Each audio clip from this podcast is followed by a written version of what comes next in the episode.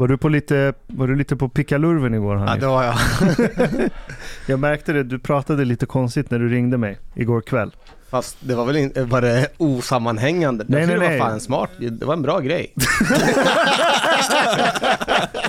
Det var, det var sammanhängande, jag fattar vad du sa, men jag hörde på hur du uttalar orden. Ja, jag, var, jag sluddrade till lite grann. Lite grann. What time was it? Jag vet inte, 9, 10, Huh, något okay. sånt. Du var alltså full. Jag var lite berusad. Ja, Jag du hade- var inte packad, du var inte Nej, dyng. nej, nej, jag, jag blir ju sällan Du så var här. kraftigt salongsberusad. Ja, jag var onykter. jag kunde stå, men, men vadå, slud, jag sluddrade väl in, ändå inte? Nej, lite grann på ändelsen av vissa Ah, ord som okej. jag kunde höra. Ja, So you just came from the directly from the airport basically now? ja from exakt. Nej, men jag var lite så här, jag hade lite dåligt samvete för jag missade ju flyget. Jag skulle egentligen flyga hem igår. Ja. Ja, så du missade flyget? Eller inte missade flyget, flyget gick ju inte på grund av att det är strejk. Det var SAS. Det var SAS ja. But man, okay, I don't understand. Like, why did you book SAS? Like, the, it's basically half the news for the past couple of weeks is about SAS. Men jag hade gjort en uträkning. Okay. Och min uträkning var att eh, strejken skulle vara över tills jag skulle börja flyga. Och, och grejen är, ni skrattar åt mig, men grejen är att jag hade nästan rätt. Med Ja, några timmar. Jag förstår, but it's För like, att is it strejken är över precis när jag, när, när jag missade mitt flyg. Jag förstår, but is it worth the risk? Nej, det är det definitivt inte. Mm. Eh, men om man ska göra det komplicerat, det är så här att SAS flyger ju vanligt.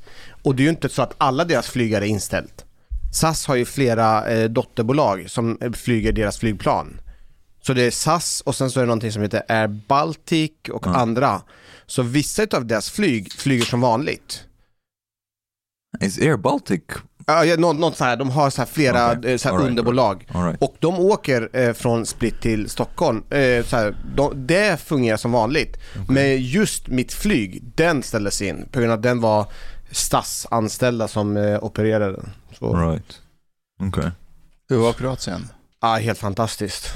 What's the temperature over there? Mm, 30. Mm. Vet igen. Helt okej.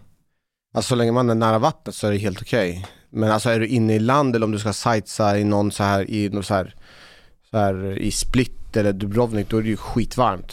Det är nästan inte värt att But but it's like much worse, like in in uh, the UK and France and Spain and so on. UK was it UK or France? Both are expecting thousands of people to die, and it's like Mm. the temperatures like 38, 40. I'm imagining like mm, people in Egypt or me. I'm listening to this like eh, 38 thousands of people dying. Men jag fattar inte, de förväntar sig att tusen ska dö. Ja. Hur då? Alltså eh, äldre personer dör ju av eh, värmeutslag. Ja ah, okej, alltså typ när de är hemma. Well, w- there's only one percent of the population that has in the UK that has air conditioner. One percent. Det är ju samma här, Sverige är inte byggt för värme. Well, yeah, exactly. If if it gets to 40 degrees here, I I imagine like half of the old people will Mm. check out. Mm. Då ska man vara på stranden eller... Vad, vad gjorde du i Kroatien då? Alltså, har jag berättat hela... Alltså det här är andra gången jag har varit i Kroatien nu på en månad. Were you in the same place with the the place that you were staying at before? Det, alltså, nej, alltså, nej, egentligen inte. För jag, jag- jag var ju och paddla forsränning. Eh, och jag skulle paddla forsränning eh, mellan den 8 och 12.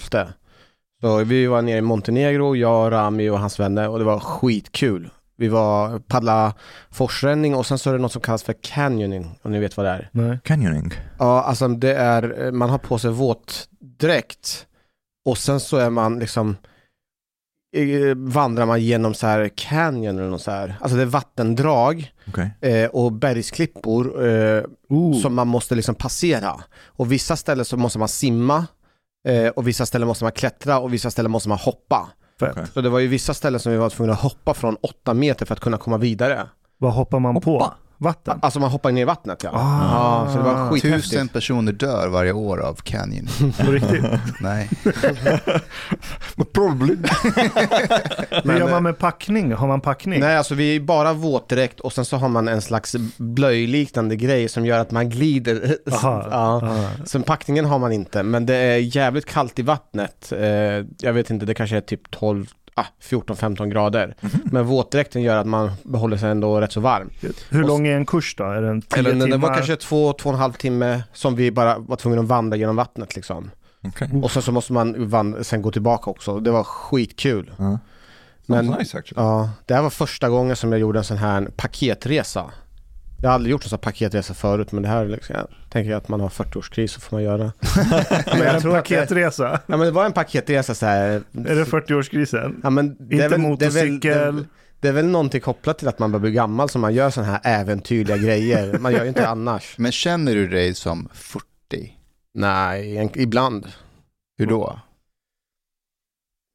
Det känns som om, alltså när man var yngre, då var, hade man mycket mer så här fria tankar, vad man kan göra vad man vill och ut och resa och liksom ena dagen är aldrig den andra rikt, likt. Men nu känns det som om det är, nu måste man liksom tänka lite mer på morgondagen och man tänker på, ja det kommer, man är lite mer, vad ska man säga, det, man är lite mer så här. Vuxen? Ja men man dricker inte lika mycket heller, fast att jag gjorde igår. Well, I- Mindre risktagande. Ja. But I think maybe what you're trying to describe that you become more aware of how time is finite Mm. in a way that you one does not have like all the time in the world because in your 20s for example you don't think about time really at Nej. all like who gives a fuck you know Nej. you're living your life you don't really think about the future in Det är that som att du sense. har en rik farsa med ett oändligt kreditkort. exact Fast tid. ja Eh, you don't really think Rami sa att det finns ett ordspråk som jag tycker var väldigt bra. Han sa att eh, eh, ungdomen slösas på de unga eller någonting. Alltså, det, alltså liksom hela att man är ung, den slösas ju bort för när man är ung så uppskattar man ju inte riktigt ungdomen på samma sätt. Men när man är lite äldre, då minns man ju tillbaka på den tiden när man var ung och liksom alla galna grejer man gjorde. Men det uppskattas inte alls på samma sätt när man var yngre. Känner ni igen det? Jo, alltså när jag var, när jag var 15 så var vi ute och, och badade i Flatenbadet. Eh, nej, jag vet inte om, om, vi, om det är det vi ska prata men, men, men då, då var det... Var det nakenbad eller? Nej, nej, vanlig bad. Men då var det eh, vänner till mina föräldrar som var med oss, afghaner. Och jag kommer ihåg att jag, var, jag badade och så sprang jag till handduken till min mamma och hennes kompis då som satt där. Och så sa hon till mig, Mustafa, ta tillvara på den här tiden. Mm. Du är 15 år, livet leker. Eh, den här tiden kommer aldrig komma tillbaka och jag minns när jag var 15 och jag ser dig och dina kompisar springa omkring och bada, ni ser så bekymmerlösa ut. Mm. Så ta tillvara på den här tiden. För mig var det som att hon pratade kinesiska. Mm. Vad, vad snackar hon om? Jo, jag, du vet, det är nu man tänker, fan hon hade en poäng. that's interesting I think for me it's the opposite Mm. Samma här. Uh, I was able to enjoy like things before I think at a much higher degree because I didn't have really any any kind of like worries. I don't. I didn't really have like much thoughts about the future. I was actually I had much more. Ca- even though I'm trying really hard now to be as much as possible living in the now, I'm not at all Jo. able to do it as before. Nej men vänta nu. Det är klart att jag njöt av livet, alltså jag njöt ju, jag var i nuet. Men jag, Man uppskattar inte det. Alltså, ma- man tänker inte att det kommer komma en tid i framtiden då du inte kommer att känna på, på samma sätt som nu. Därför borde jag uppskatta det här. Förstår ni vad jag menar? Ja, definitivt. Det var, ja. Fan, nej, det gör inte jag. Nej, inte jag jag saknar inte ungdomen alls. Jag, den, var inte, den är inte alls bekymmerlös. Jag tror bara att era fan? hjärnor har målat upp någon sorts så här rosig bild av hur det var. Men ni, ni glömmer bort all så här ångest, finnar, kroppsförändringar, kärleksdrama. Men allt det där var ju häftigt. Alltså, allt Nu det där i var efterhand allt- men Det var ju spännande och Okej. nytt. Första gången man träffade eh, tjej, man var liksom Eller en kille. eller en kille och man sprang till badhuset när de hade stängt, man hoppade över stängslen, nakenbadade med någon tjej och kanske hade sex i poolen. Det är någonting som många känner igen sig Det och som man detaljerat minne, men Det var inte alls detaljerat. okej. det var ett väldigt specifikt minne. ja, men grejen är det det här... låter som att det- du är besatt av det där minnet. Ja, men det är, alltså, jag tror att det är jättemånga som delar en sån här minne och framförallt under sommaren att man badar naket liksom efter att man varit ute och festat och så. Det är skitvanligt. Det är liksom där jag längtar tillbaka till att man, alltså för sig jag kan göra det fortfarande men Exakt det är det här som är viktigt med mentaliteten, att man inte låser, sig, låser fast sig utan man fortsätter vara ungdomlig på något sätt. But but there is also another thing why it was uh, for me at least more enjoyable to to experience stuff when I was younger. It seems that there's like some kind almost like uh, some sort of tolerance to experience.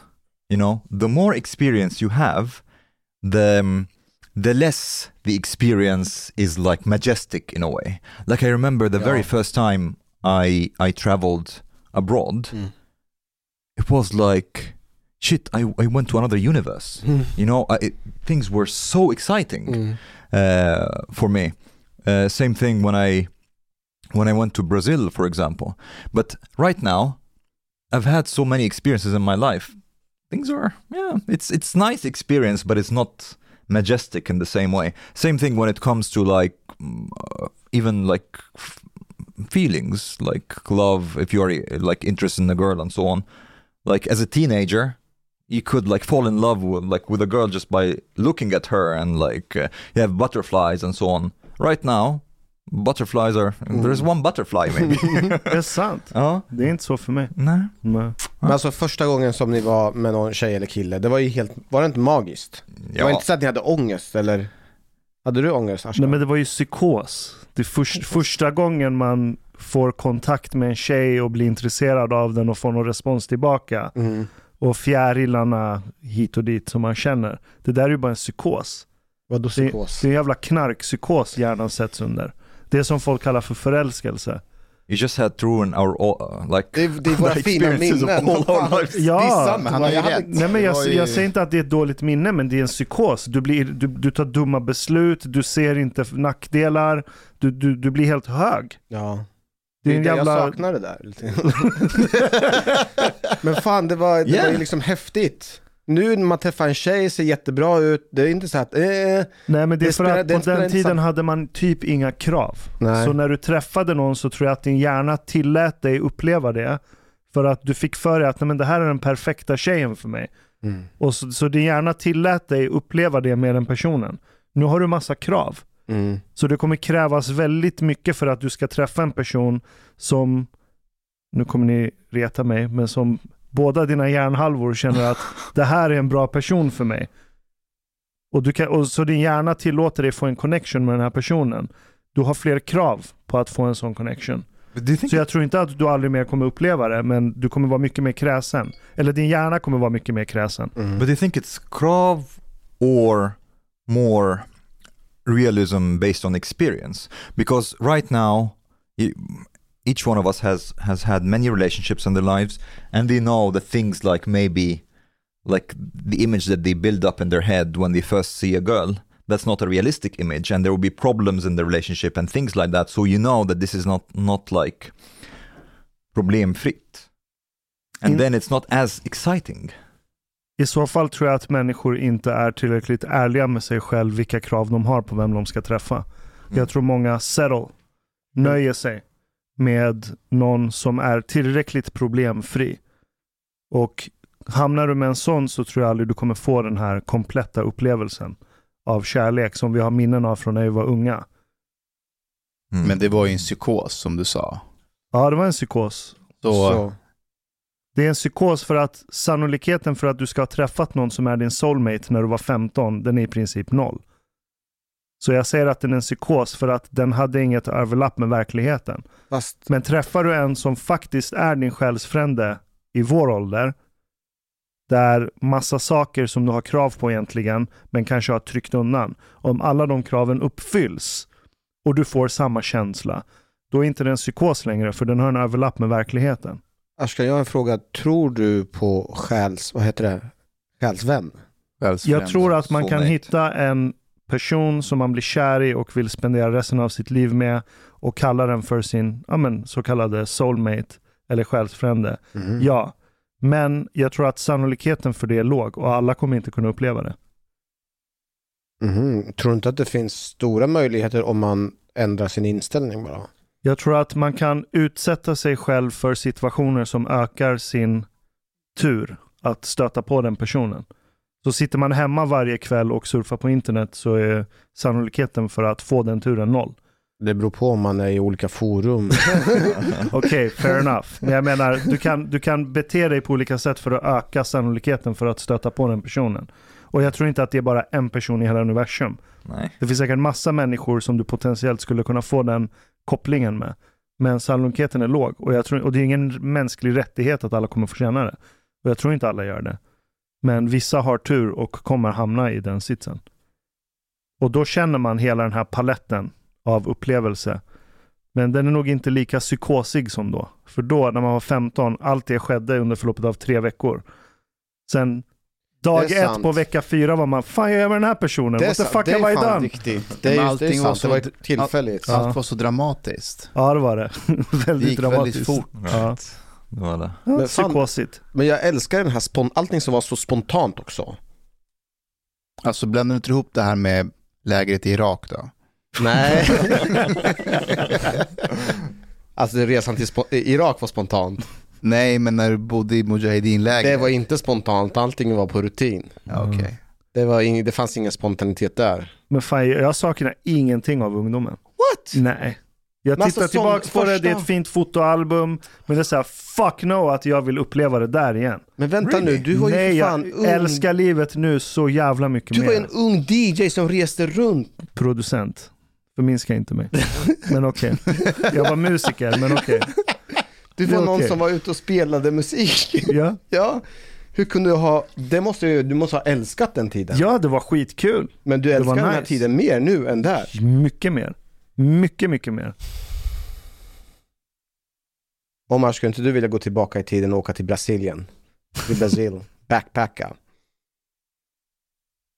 Du vill säga ja, men du kan inte säga ja. Det är det som är problemet, du kan inte säga ja. I, think it'd be nice. yeah.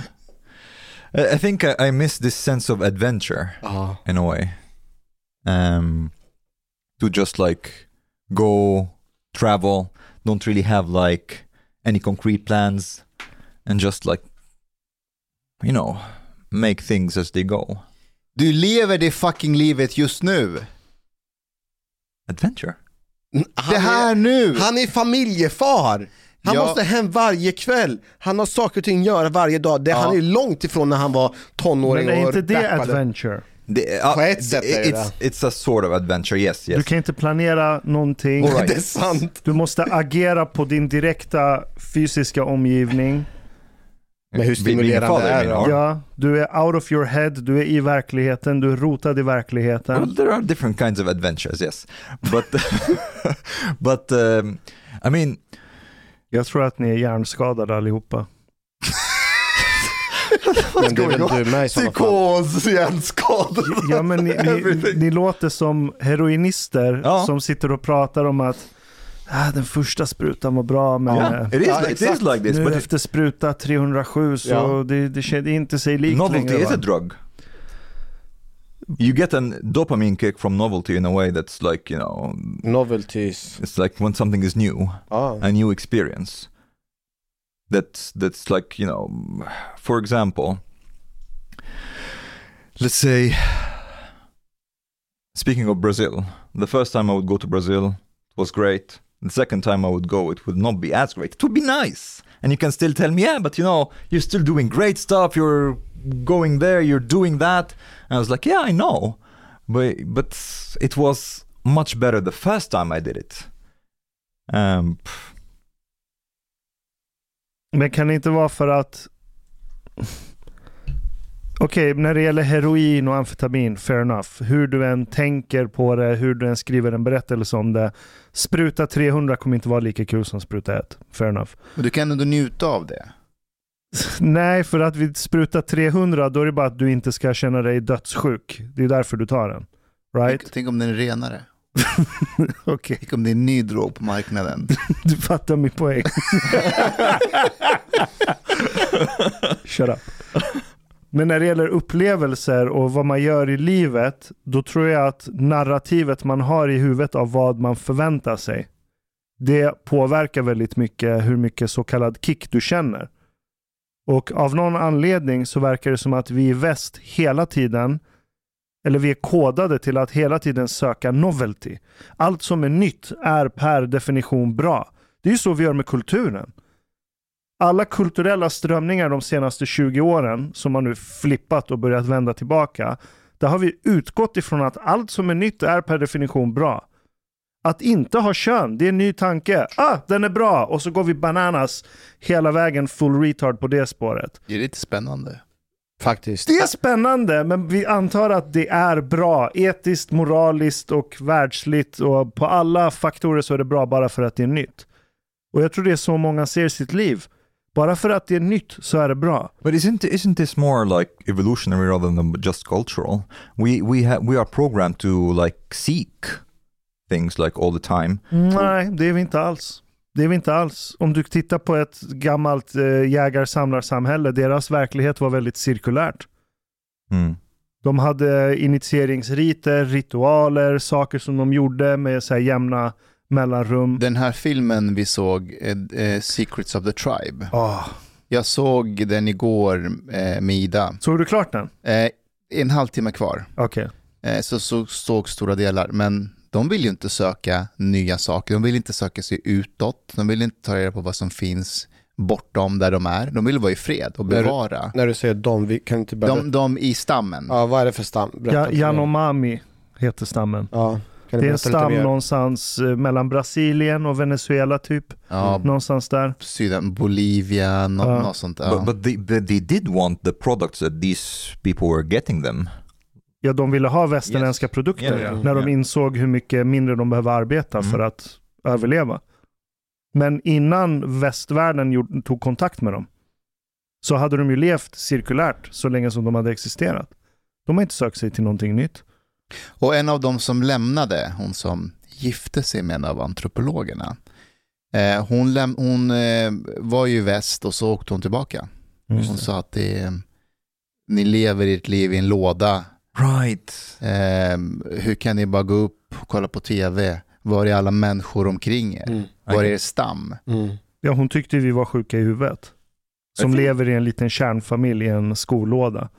Jag tog med mig väldigt mycket när hon sa att hon vaknade på morgonen och så, så kände hon sig ensam för hon hade inte sina släktingar runt omkring sig. Det tog på mig faktiskt. Well, I think there's definitely something to that. Uh, it, it's something that could be ailing our culture in a way.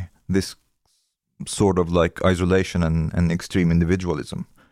Um, Ja, men de sa ju eh, eh, i filmen att eh, människor har levt så som den här stammen i 1,5 miljoner år. Mm. Medan så som vi lever nu i Stockholm, eh, Brasilia och andra städer, då har vi bara levt i 2000 år ungefär. Shit vad den där filmen är skum. There's too much pedophilia in Det, this. är- alltså alla, eller så här, en väsentlig andel av antropologerna som åker till stammen för att leva med dem visar sig vara pedofiler. Yeah. Och det roliga var att dokumentären, det är typ som en konflikt mellan en antropolog som heter Napoleon Chagnon. Och han var en av pionjärerna som, när han gjorde sitt antropologiska arbete, han var så här, vi, vi borde ju samla in data och använda empiri för att förstå vad som händer här. Medan majoriteten av antropologer på den tiden, de åkte dit själva och så gjorde de en sorts så subjektiv beskrivning av deras upplevelse i stammen. Det var inte databaserat, det var mer upplevelsebaserat. Och det roliga är att ja, skitmånga av de här antropologerna, de visade sig vara pedofiler, de var där och tafsade på småbarnen, de bad småbarnen typ eh, runka, av, dem, Ja. de låg med dem. Den här som tog med sig en fru tillbaks till väst, Mm. han hade ju först gift sig med en 12-åring i Ja. den stammen. Ja. Och sen eh, tog det förhållandet slut. Sen blev han ihop med en annan i den stammen, hon tog livet av sig. Och sen gifte han sig med en tredje kvinna och tog med henne till väst. But, but didn't he defend himself by saying, like, when they criticized him, he said this like, did he say it's Eurocentric and racist? Jo, jo, jo, jo. Han bara, det är eurocentriskt att utgå ifrån att det är ett problem att ligga med en 12-åring. Ja. Man Han tar ja, seden dit man kommer. Han bara, jag följde deras seder och normer. Och så var det en, en antropolog som sa, men du är inte en del av dem. Du är inte Janamana, du, du är från väst. Men man brukar ju säga att ta seden dit man kommer. Ja, men det var det, han argumentet ju. han körde. Men det var alla pedofilerna, alla de här creepsen, det var de här vänsterantropologerna. Vilket Jag måste var säga att jag faktiskt, jag tappade en del förtroende och respekt för antropologi som, som, uh, som koncept eller som, um, för, discipline. ja Nej. precis, för när jag såg hur de faktiskt jobbar, alltså att alla är oense med alla och inte på ett bra forskningsmässigt sätt, utan varje antropolog har sin teori. Och så fort du ska sätta alla de här i en kontext och kolla med data, då börjar de bråka. De vill inte ha data. Det är väldigt flummigt. Ja, för att då kan, då kan datan ifrågasätta deras tes. Exakt. Mm. Och då tappade jag, jag har ju alltid varit intresserad av antropologer, men om alla har en subjektiv berättelse av det de ser, alltså du kan placera två antropologer på samma ställe, lite en bit ifrån varandra, de kommer komma till helt olika eh, slutsatser. Förutom de få som håller på med data. Som den här snubben, Napoleon Chagnon, var där för att göra. Och kritiken han fick, det var för att han gick och studerade dem och han såg att så här, fan, det här går ju helt emot det mesta av västerländsk antropologi. Att det är en, så här, en fin, ädel befolkning där alla är snälla och delar med sig av varandra. Han bara, den här stammen, de krigar som fan. Och så utgick han ifrån att okej, de krigar säkert över resurser eller någonting. Men det handlade inte om mat eller territorium. De krigade ju över kvinnor. Ja. De gick till anföll andra stammar, snodde deras kvinnor, But tog hem dem till sin egen stam. don't you think the tribe sees women as resource? Jo, det blir ju det på ett sätt, Ja. men det är ju inte så som vi ser resurser i väst. No, but for them it is. För dem är det det. Ja. Alltså Och- tänker de på att resurser var att man vill ha fler barn och så. Alltså, det blir- Women. Alltså en biologisk Yes. resurs. Yeah, yeah. Inte mer sexuellt utan mer att man tänker fram till att man vill reproducera, eller går de ihop med det eller? Ja, alltså re reproduktion. Du, Ja. du, du, du producerar ju mat för att kunna reproducera dig och folk Mm. ska kunna överleva. Mm. Men jag, jag tycker det var väldigt intressant, han kommer fram till att 40% av alla män i stammen från 25 år och uppåt har deltagit i något mord. Mm. 40%. Mm. Och att de var bättre på att reproducera jämfört med de männen som inte hade deltagit i något mord. Alltså de attraherar fler kvinnor. De Ja. hade fler partners och fler barn. Ja, fler partners, fler barn. Är det inte det som kallas för toxisk maskulinitet? But you're able to provide. Precis. yeah. Eh, men det som var, och det var här var där jag verkligen så här, wow, nu är jag väldigt misstänksam mot det här konceptet. Och det var att den här Napoleon då kom ju fram till att eh, alltså benägenhet till våldsamhet, det finns inom oss, det finns inom människan. Att mörda för att skydda och så vidare, det finns där.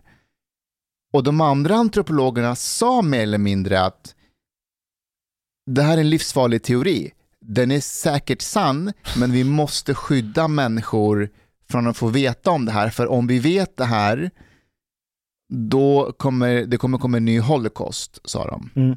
Och det är sant. Och grejen är att jag till viss del, Det är inte alls sant. Det är visst sant. Va? nej, nej, men- nej men lyssna, om, om, om, jag, om, jag, får- om jag får, bara, Okej, om jag okej, får okej. ge eh, en dåres försvarstal på ett sätt. Om vi här inne får höra den här teorin, ingen av oss kommer ju tänka, jaha, ja, men då går jag ut och dödar människor och för att få det jag vill ha, för att det är en del av oss. Det som vi har pratat om, eh, det som är en del av oss, naturlig, det betyder inte att det är en bra del. Nej. Men det finns, people are retarded. Det finns ju de som kommer höra där och, och tänka, ja men det är så vi människor är, det är väl inget konstigt. Du ser Dark ju. enlightenment. Ja, exakt. De Exakt. gör det. Ja. Vissa av dem gör det. Och om du har en procent av en befolkning som är psykopater, men Sverige är ju, vi är 10 miljoner, en procent är 100 000. Ja, men båda är ju retarded. Att förneka det, eller att se så här, okej, historiskt sett, vi har det inom oss. Att mörda och plundra för att få status och fler Mm. kvinnor.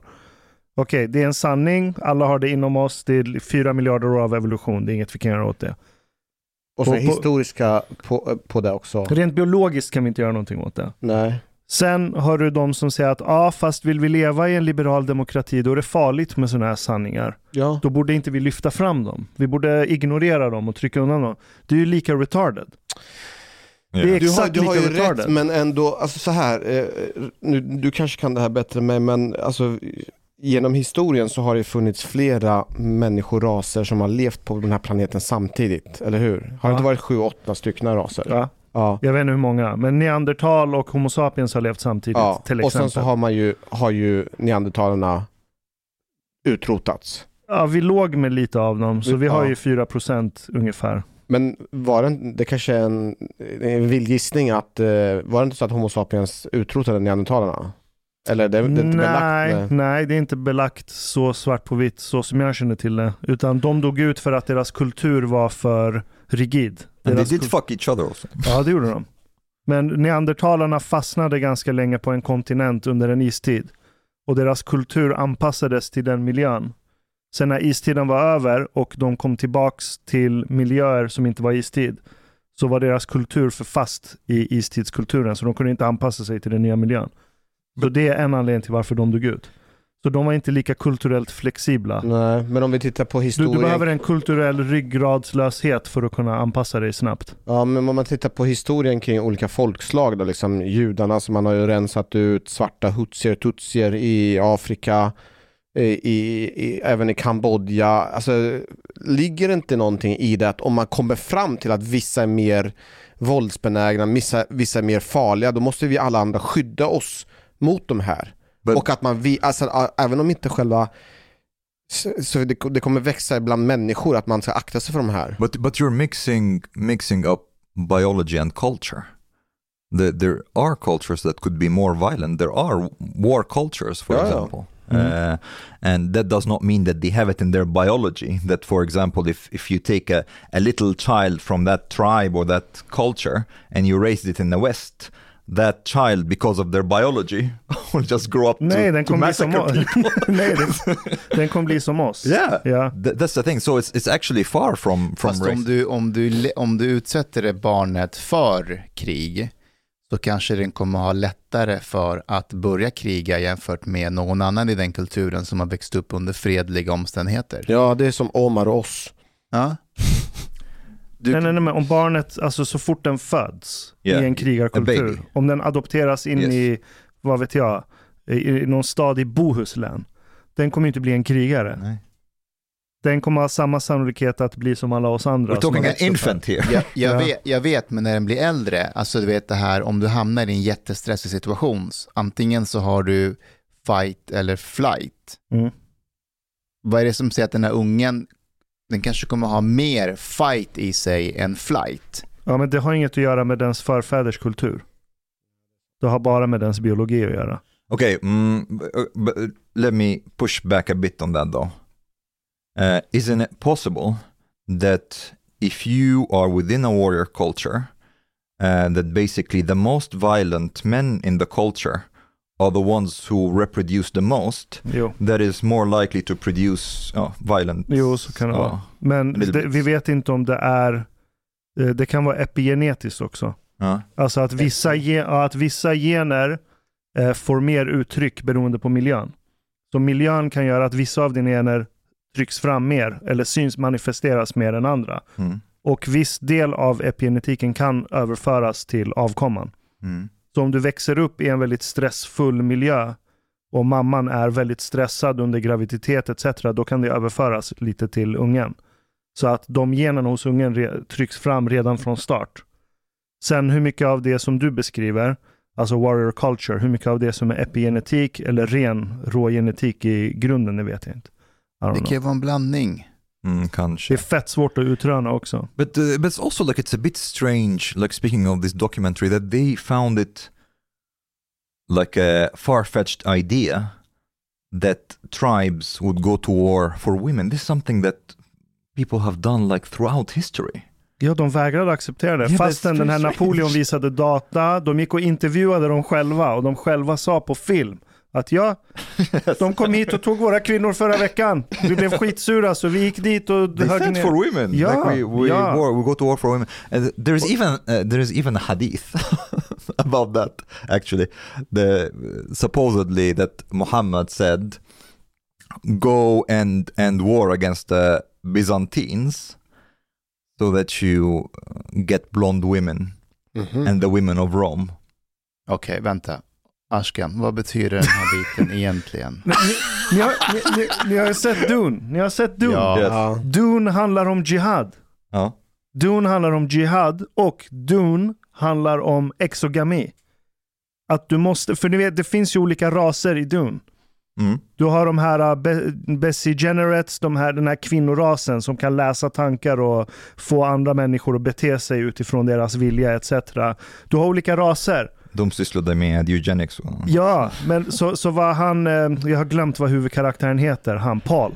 Paul, Eh. ungen. Ja. Ja, han vaknar ju upp i slutet av filmen när han sitter i det här tältet och är under någon så här psykedelisk eh, tillstånd. Trigger warning. Eh, eh, spoiler warning. Ja, ja, men, ja spoiler warning. Mm. Hans insikt är ju att han måste bedriva jihad för att blanda ihop befolkningarna igen. Mm. Och det är, det är den hadithen du snackar om. Det är ju inte en för slump den att... förklaringen. Det makes, bättre. It makes mer sense nu än din retarded förklaring. Ja, men det är därför det finns sådana uppmaningar till krig mot andra så kallade raser i till exempel Koranen. Och i andra religioner. Det är exogami. Det förbättrar genpoolen. Jag säger inte att det är nice. Och jag säger inte att folk ska gå och bilda en religion och gå och utrota männen i en annan grupp och sno deras kvinnor. Det är inte det jag säger. Jag säger bara att det finns en förklaring till varför sådana här uppmaningar har överlevt genom historien.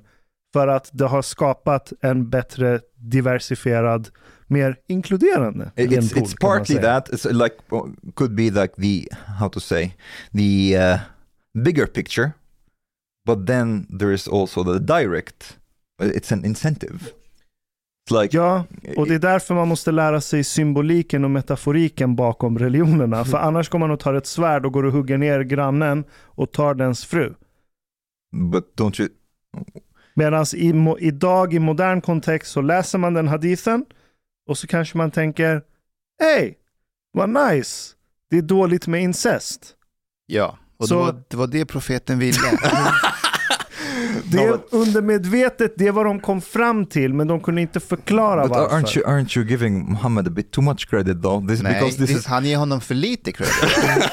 it's like historically uh, i don't really think that he was trying to like explain that you know the genes for our tribe Nej, and nej, so on nej. like he, he's giving the people there incentive to go and, and de, vi, de, go vi, to war de visste inte vad gener och sånt var, men de visste att det här beteendet verkar leda till bättre avkomma framför det där beteendet.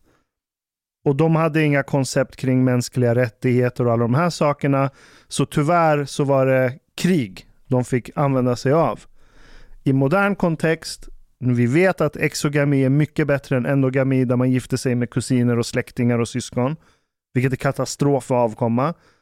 Då behöver vi inte bedriva krig. Vi kan till exempel ha, vad vet jag, öppna gränser och fri invandring för alla som kan försörja sig själva. Då uppmanar vi att andra människor med andra genpooler kommer hit.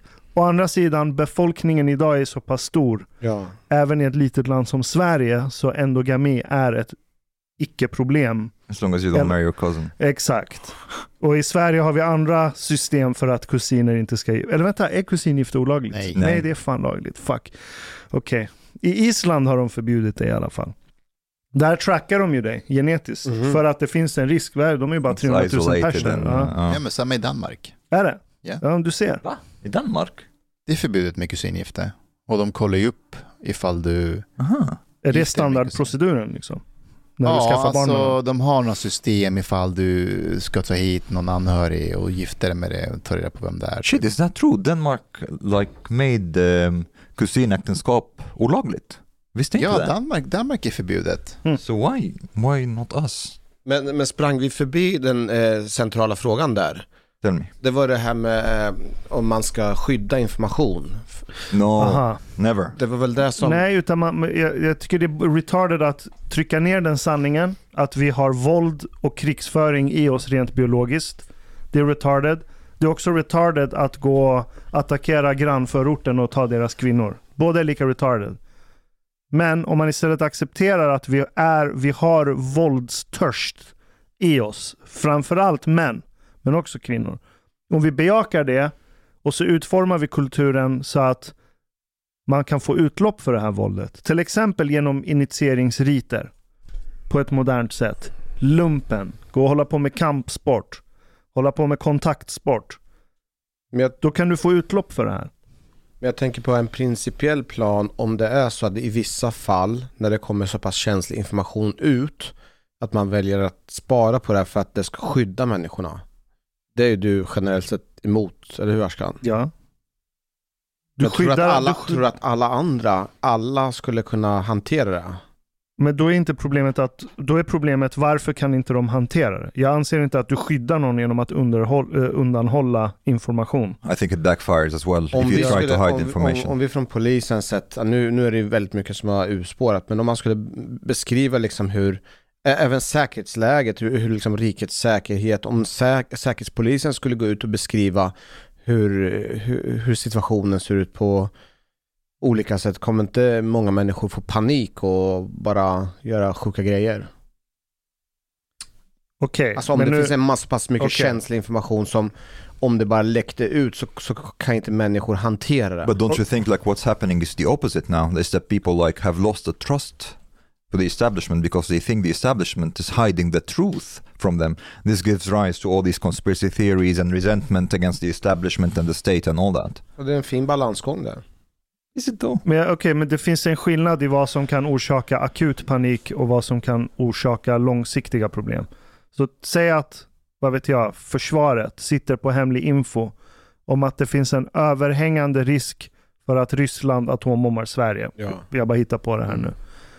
Då, då är det såklart vår chans att försvara oss kommer ju sjunka om samhället sätts i masspanik, om Mm. den här informationen läcks ut. Då finns det fog för att hålla undan den här sanningen från den stora folkmassan för att undvika panik, vilket ökar vår chans att överleva. Det är en sak. Men att människor har en inneboende törst efter våld och dominans.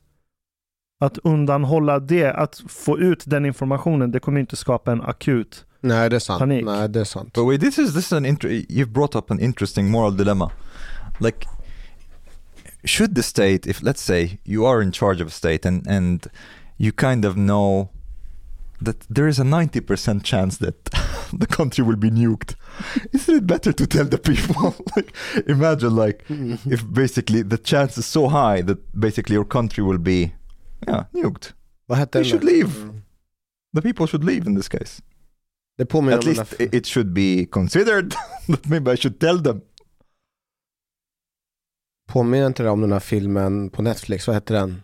Don't look up. Ja, fast det var inte Nuke, det var ju en Klimat. Yeah. Nej, nej, nej, det var en asteroid. Yes, asteroid, men det är lite Something samma similar sak. to that. A little bit similar to Och that. folk panikar ju och det vart anarki. But if you judge that actually the chances are really high, I think you have a responsibility maybe to say, okay, if you want to leave, maybe it's it's time to do it. Ja, om det är ett hot som vi inte kan försvara oss mot. Anyway. Ja. Okej. Mm. Ja. Jag tycker man ska bara berätta för vissa människor. Jo men jag tror också. Mm. I, så- alltså alla kan inte få veta allt. Mustafa, in Denmark it's not illegal to marry your cousin. Jaha. Är det inte? Nay. However, so there's another another part. Denmark has implemented a rule of presumption according to which transnational marriages between spouses with a specified degree of relatedness, primarily first and second cousins, are presumed to be forced marriages. You see? So they, they, they had it like an honor culture thing. So basically if you no, if, you if you're not from how I how I interpret if you're not really from Denmark and you are bringing your cousin from Iraq, they will not let you get Eh, married. Ja, men precis. No. Och vänta, Norge tror jag har, för att i Norge har man haft stora problem med pakistanier, där det i princip har varit inavel.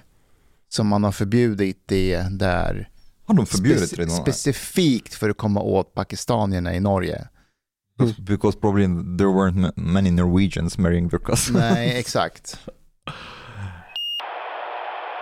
Har ni människor i era liv som när ni träffar så går ni ofrivilligt in i en roll som ni kanske inte vill gå in i? Jo, det händer nog rätt så ofta. Vi har olika roller i olika med olika personer. Ja, men jag menar inte bara typ, ja men så här, har ni talat om, it's not illegal either in Norway. det är inte det? Just saying. Mm. Okej. Nej, men t- alltså det, det, det kan till exempel vara en barndomsvän. Mm. Man faller i gamla roller. Ja. Jag har en sån människa i mitt liv som jag älskar och beundrar och respekterar. Men varje gång jag träffar den här personen så går jag in i någon slags klantig lillebrorsroll. Jag gör bort mig hela tiden. Kallis Hamid. Vad har hänt nu? Alltså Kallis har ju varit här och han är ju, för mig är han Stålmannen. För mig är han arketypen av hur en man ska vara. Hur är han? Kan du beskriva? Okej, förutom att han är stor och stark, Han är inte fysiskt. så stor. Okej, han är Han- inte stor Han är- så, alltså han är inte lång som, han är, han är krallig. Ja, ja, ja. Han är nästan bredare än längre. Ja. Det är en bra beskrivning. det är han. Ja. Eh, det är en människa. Eh, det, det är en person som alltid tar ansvar. Mm. Alltid tar ansvar för allt. Han står alltid först och tar liksom, han har din rygg. Eh, integritet härifrån till månen. Han, heder, vet. Det, det, han har ju varit i militären. Men när jag träffar honom så får jag någon slags mindre värdeskomplex där jag inte vill göra bort mig. Jag vill inte göra honom besviken. Mhm. Men det slutar alltid med att jag klantar mig. Får jag bara stanna där? Är det verkligen så att du klantar dig eller är det så att han har så pass höga krav på dig? Det är det. Mm. Okej, så här. Men fast jag klantar mig också. Men jag, jag, jag så nu var jag med honom i Grövelsjön. Vi var och vandrade. Han var där med sin familj. Eh, De hade hyrt en stuga. Ehm, så jag fick, jag fick äran att åka dit och bo med hans familj i den stugan och så vandrade vi. Det första som händer när vi Du kommer fram- bort hans vantar. Det gjorde jag förra gången när, vi var, när, när du och jag var uppe. Ja. Men det första som händer är att eh, så jag åker tåg till Mora och därifrån tar jag en buss till eh, Idre eh, och Kallis plockar upp mig där för att skjutsa mig till Grövelsjön. Så jag, precis när jag går av bussen och Kallis kommer med bilen för att vi ska åka vidare, då glömmer jag bort min, min plånbok i bussen. Oj. Ja. Eh, och bara, fuck. Eh, och, men bussen är på väg till Grövelsjön och vi ska till ja, Grövelsjön. skitbra. Så jag bara, Kallis, kan vi bara köra efter bussen? Den kommer stanna i nästa stopp. Vi, och han är så här, yes, det är klart, det är inga problem. Liksom. Så. Och jag, jag har så en dålig samvete, det fixar sig, vi åker några minuter, jag får min plånbok. Eh, nästa dag, vi är i eh, stugan, vi har vandrat, vi är hungriga, Kallis eh, fru eh, gör lasagne. Och så lägger hon lasagnen i ugnen och säger till mig, kan du bara hålla lite koll på den? Jag ska gå och fixa lite med barn. De har ju två barn med sig Mm. uppe i fjällen. Hur ga- är de små? Dude, den ena är två månader. Ja. Eller tre eller något sånt där. Och, och eh, andra är eh, Två. två. år. Damn. Kallis bär dem. Såg ni bilden jag la Ja, upp? jag såg bilden. Den ena är på baksidan och den andra är på framsidan. Det är typ 27 kilo totalt, någonting han har, för han har en packning också som han går med. Stålmannen, ja hur som helst, jag ska hålla koll på lasagnen. Och jag håller koll, men det börjar ryka ur, ur ugnen efter ett tag. Okej. Och brandlarmet går. Oj. Maten är inte bränd. Det är bara det att det är någonting med Ja, ugnen, det är lite Den är, inte re, re, den är inte rengjord. Eh, Ja, ex, Mm. precis så. Ah, De- okej, de- okej, okej. ja. Men det blir ju jag som har orsakat brandlarmet. Fast, fast det är det inte. Nej. Och det, men här är min analys.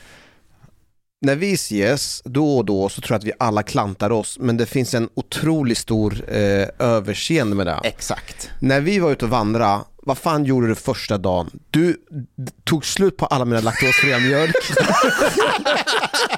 Du tog din näve med, alltså jag hade, spa, jag hade, jag hade gjort specialgjord så här, vad heter det, snackspåse för hela den En här specialgjord snacksbox. Ja, med alltså bara nötter, cashewnötter, russin och sådär. Så- Som skulle räcka. Alltså det var så här, jag hade gjort en rejäl, kanske var ett kilo som jag hade gjort för hela den här resan. Vad han, det första han gör, första morgonen, han tar med sina smutsiga händer, tar och bara lägger i sin gröt. Och så när det tar slut så bara så bara, var, finns det inte mer? Så nej. Skillnaden här, det är i vårt sällskap, Ja. så finns en oerhört tolerans för att man gör bort sig. Men Exakt. du och Kallis, ni har en annan relation. Precis. Det är helt rätt Ja. analys. Tredje dagen. Mm. Eh, did you do? ja, men vi, sk- vi har vandrat klart och det är sista kvällen tillsammans och dagen efter ska vi åka hem. Mm. Eh, det finns en tvättmaskin i den här stugan. Och jag har lite smutskläder som jag Okej. vill tvätta. Jag öppnar tvättmaskinen, lägger in mina kläder, doserar, stänger tvättmaskinen, väljer program. Den börjar snurra som vanligt. Har du en kran så att det kommer vatten i? Allting är korrekt. Ja. Okej. Tror inte ni det går sönder? Tvättmaskinen går sönder. Det Ja. går inte att öppna luckan. Oj. Ja, och en normal människa, Går igenom och bara kollar den här spär, spärren som finns. Det finns ju en spärr alltid på alla tvättmaskiner så man kan bara öppna upp en lucka och sen öppna den. ja, det gick inte. Alltså det, var, det, du vet, det kom så här felsök, Mhm. typ. det gick inte. Det All gick. this sounds like comedy sketch. Mm. Ja, och jag står där och bara, jag måste tala om det här för Kallis. Och, eh, och jag gör det och han kommer, det går inte, vi försöker. Och som sagt, en normal person ringer ju stugansvariga och säger Hej, tvättmaskinen har tyvärr gått sönder, man, man felanmäler den. Ja. Mm, mm, mm. Kallis Hamid är ju inte en normal människa, så han måste öppna hela tvättmaskinen. Han hämtar verktyg och öppnar hela tvättmaskinen för att se vad som har gått sönder. För Kallis Hamid har ju en filosofi som går ut på att du lämnar ingenting sönder efter dig när du lämnar, utan du lämnar tillbaka det i samma skick som du fick det i. Och det här tar, det här tar två timmar att öppna Ja, upp den här det där maskinen. låter tokigt alltså. Det låter, det låter bra när man säger det, men i verkligheten, jag, jag, vill inte, jag älskar Kallis, men det, jag måste bara säga, det man gör det att det finns saker och ting som man inte kan rå på och man, eh, man, man, man säger till. Och problemet är ju den här dynamiken Ja. mellan er två som gör att han har högre förväntningar Han på sig själv och alla andra Ja. gör att du, med, med hans höga förväntningar, så kommer alla andra ka, kanske framstå i sämre dagar. Det är precis så. Och lyssna på det här. På väg hit idag, vid Hornstull, så springer jag på Eli Gönder. Och Eli säger, jag såg att du var uppe i fjällen med Stålmannen, för Mm, jag skrev Stålmannen på bilden. Ja. Jag bara, "Ah." han bara, hade ni det bra? Jag bara, det var fantastiskt. Och säger Eli, jag tål inte den här mannen. Och jag bara, vadå då? Han är alldeles för perfekt. Det finns inga brister med den här mannen. Och så säger han, varje gång man är i hans sällskap så har man ständigt dåligt samvete. Mhm. Och det, det är lite så, för han är perfekt. Han är perfekt. Nu har inte jag träffat honom så många gånger men det, den känslan får inte jag. Träffade honom en gång. Ja. Menar du att du också är nära perfekt? Nej, inte så. Däremot så tänker jag att jag, jag, jag bryr mig kanske inte på samma sätt över när man gör bort sig på samma... Liksom när man är med sina vänner, vi gör bort oss hela tiden och det finns ändå en tolerans för när vi gör bort oss. Ja, och speciellt när man, det är inte liksom, det är en klantig grej. Mm. Man har inte gjort det med flit. Men med, med Kallis blir det som att jag sviker honom och sviker typ de förväntningarna. Alltså, dude, ni skulle sett honom under den här fjäll, så som han är med sina barn. Det finns inte en liten stund där han tar en liten, liten stund för sig själv. Han är ständigt, finns där för barnen, leker med barnen, ser till att de har det bra, ser till att vi har det bra. Hela tiden. Nu låter jag lite smörig men inte Ashkan lite likadan? När du är med, med din dotter, alltså du är ju 100% närvarande. Även fast du kan vara liksom irriterad, saker och ting kan hända. Du tappar ju det aldrig, eller hur? Jo, jag kan visst tappa det. Framför, framför din dotter. Ja, men alltså, Det jag, har inte jag sett jag tappar det inte som Nej. att jag får panik eller flippar. Nej. Vadå, det händer jätteofta där jag är trött. Vi Du har, är trött men du säger ingenting. Jo, jag har sagt till henne flera gånger Mm. att jag är trött. Jag orkar inte lyssna på vad du har att berätta just nu. Så nu har vi pratpaus. But I Oh, would du- say that Ashkan does not like focus just on, on Lou either. Like he's able to be with us even when he has Lou, for example. Ja, Mm. Jag, jag, jag, focus jag sysselsätter ju henne. Hon får gå och Ja. hitta på någonting eller gå och prata med andra. Mm. Så hon får ju cirkulera runt. Ja, alltså det är inte så att Kallis skiter och sådana Nej, nej, nej, exakt. Det jag menar är att jag fattar inte hur han hinner vara överallt hela tiden. Han är aktiv hela tiden. Och eh, it han, be amphetamine? nej, jag tror att det är, det, det är hans iranska sida. Det, det, det, är någon, det är någon, det är någon super-arier-grej han har fått från någonstans. Men jag, jag tror det finns ett värde i att låta kids ha tråkigt och lösa sin tråkighet själva. Ja. Så jag ser det inte som en failure eller att jag är en dålig pappa om jag inte hela tiden leker med min dotter. Jag leker inte med henne hela tiden alls. Jag leker med henne väldigt sällan. Kanske en timme om dagen om det är en så här halvdag efter att hon kom hem från förskolan. Nej, inte ens det. Halvtimme kanske max. Sen får hon lista ut vad hon ska göra. För jag har shit do. Jag ska laga mat, jag ska Mm. städa, jag ska fixa det ena och det andra. Och jag kommer ihåg själv när jag var liten, mina föräldrar lekte inte jättemycket med mig. Inte heller. Det kunde hända så här då och då, jag typ byggde lego med pappa. En liten stund. Men om leka, det fick jag lista ut själv. Jag fick hitta på egna lekar och jag var ju ensambarn tills jag var sex. Och min syster, hon var ju bebis, jag kunde inte leka med en bebis. Jag var typ ensambarn väldigt länge. Men det var ju en gåva att kunna lista ut vad jag ska göra med det jag har just nu. Barn har ju aldrig tråkigt. But, but, Nej, och men man måste lära dem att inte ha tråkigt genom att låta dem ha tråkigt. but this is uh, also another cultural thing. In Egypt, it's very strange, and I think in many non-Western con- uh, countries, it's very strange that the parents are the ones who have to entertain their kids or play with them. This never happens in Egypt. Like you are, like I remember, like that that farm that we had. Like my cousins were there and so on. We went out in the morning. All the kids. We were playing. We we came back home just to eat basically we didn't interact at all with like we the role of like adults was for instruction protection guidance that's it i didn't expect that my father would like you know come and play with me in the fields this would be just strange Ja. it's not even something i wanted really Nej. there were other kids Ja, men ni var omgivna av andra barn. Yes, and and that's the thing. This I would say it's the natural way for children to be for the Jag most tror också part. det. Jag tror att det är en sak att spela fotboll med sin unge, alltså stå och sparka boll. Det är roligt. Ja men det är en aktivitet. Exakt. Alltså, jag kan dra med Lo flera dygn i sträck. Så här, nu ska vi gå och simma, nu ska vi göra det här, vi ska gå på bio. Men då gör vi aktiviteter. Precis. Men att sitta med ungen och bara, där sitter Jakob. Jakob vill ha te nu. Och du bara, då häller vi upp te till Jakob. Det är lite retard. Fuck that shit. det, ja, men ett, ett, det är skitdåliga lekar. Ka karak karaktärerna har inget djup. Det är extremt ytliga karaktärer. Det, det finns ingen backstory till de här karaktärerna. Aha, eh, lilla björnen Jonathan ska ha te. Varför ska han ha te? Det är fucking jävla björn. Det är björn. Björnar dricker inte te. Och det är sju på kvällen. This is why children should play with children and not with adults. Fast sju på kvällen kan man faktiskt dricka te. Inte om man är en björn. Och det är vinter. Varför är den här björnen vaken?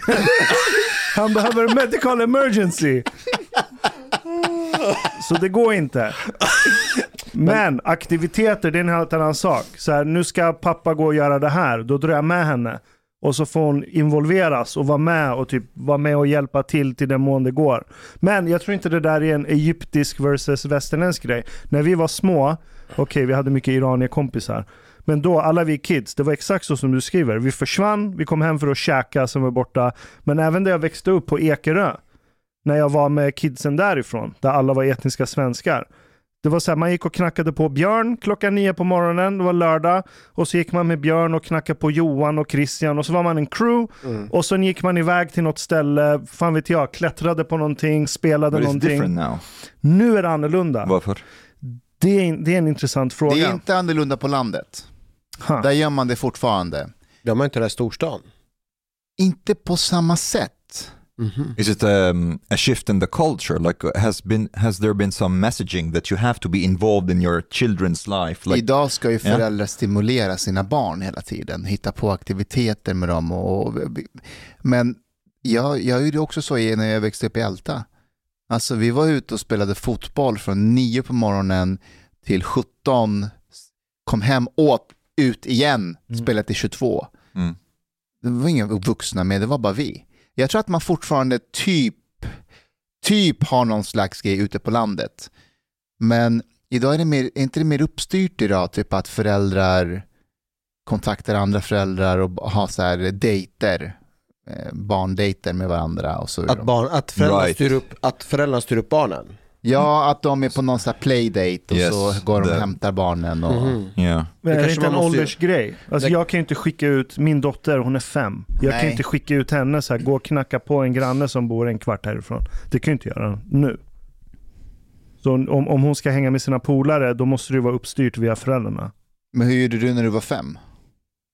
Ja men då gick jag ut på gården. Exakt. Och så var det andra kids där. Ja, men det är det, det händer inte idag. Nej, Alltså, det är aldrig några people- kids på gården själva. Parents are more protective of Ja, their det är alltid today. arrangerat, det är föräldrar där Ja. och de ska hålla på. Mhm. Alltså ta exempel, eh, jag var i Mariefred nu och när, vi, när Ida och jag promenerar där, det är tre fotbollsplaner, konstgräs, som står helt tomma. What? Alltså, det var jag- vår dröm när vi Ja. var små, konstgräs. vi, vi spelar på grus och vi hade inga mål, vi gjorde egna mål Ja. med typ skor och någons t-shirt liksom. Kids are on the screens now as well. Ja, Ja, det det- står helt tomt. Vi slogs med andra barn om, om fotbollsplaner. Idag finns det överflöd men folk, jag, tror, jag, jag vet inte om de är mindre aktiva, det kanske de är, men, men när de spelar då är det organiserat. De är med i något lag eller... Man pratar om att man ska försöka aktivera barnen och då är det väldigt mycket aktiviteter. Eh, och det är väl det som är problemet i förorten, att de inte har de här aktiviteterna. Nej. De är ute med varandra, men de är bara där och hänger. Så det finns väl fotbollsplaner i orten, det finns basketplaner. Ja, men den är, de är liksom, det är inte mer organiserat. Och det finns inga organiserade grejer när man blir lite äldre. Ja, men vi, vi hade ingen organisering. När man blir lite, spelar inte du basket till exempel? Jo, men då gick jag i lag Ja, i förorten. Ja. Det finns väl basketlag där I, idag också? nej inte på samma sätt. Inte? Det finns en, en basketlag som heter Shanti någonting, men förutom det så är föreningslivet väldigt, väldigt Finns dåligt. Ja, inte BK alltså- Järva längre till exempel? Basketlaget? Inte vad jag känner Alltså det som gör att föreningslivet funkar, det är ju civilsamhället. Alltså det är föräldrar som, Mm. som är med och ordnar. Så att, Mm.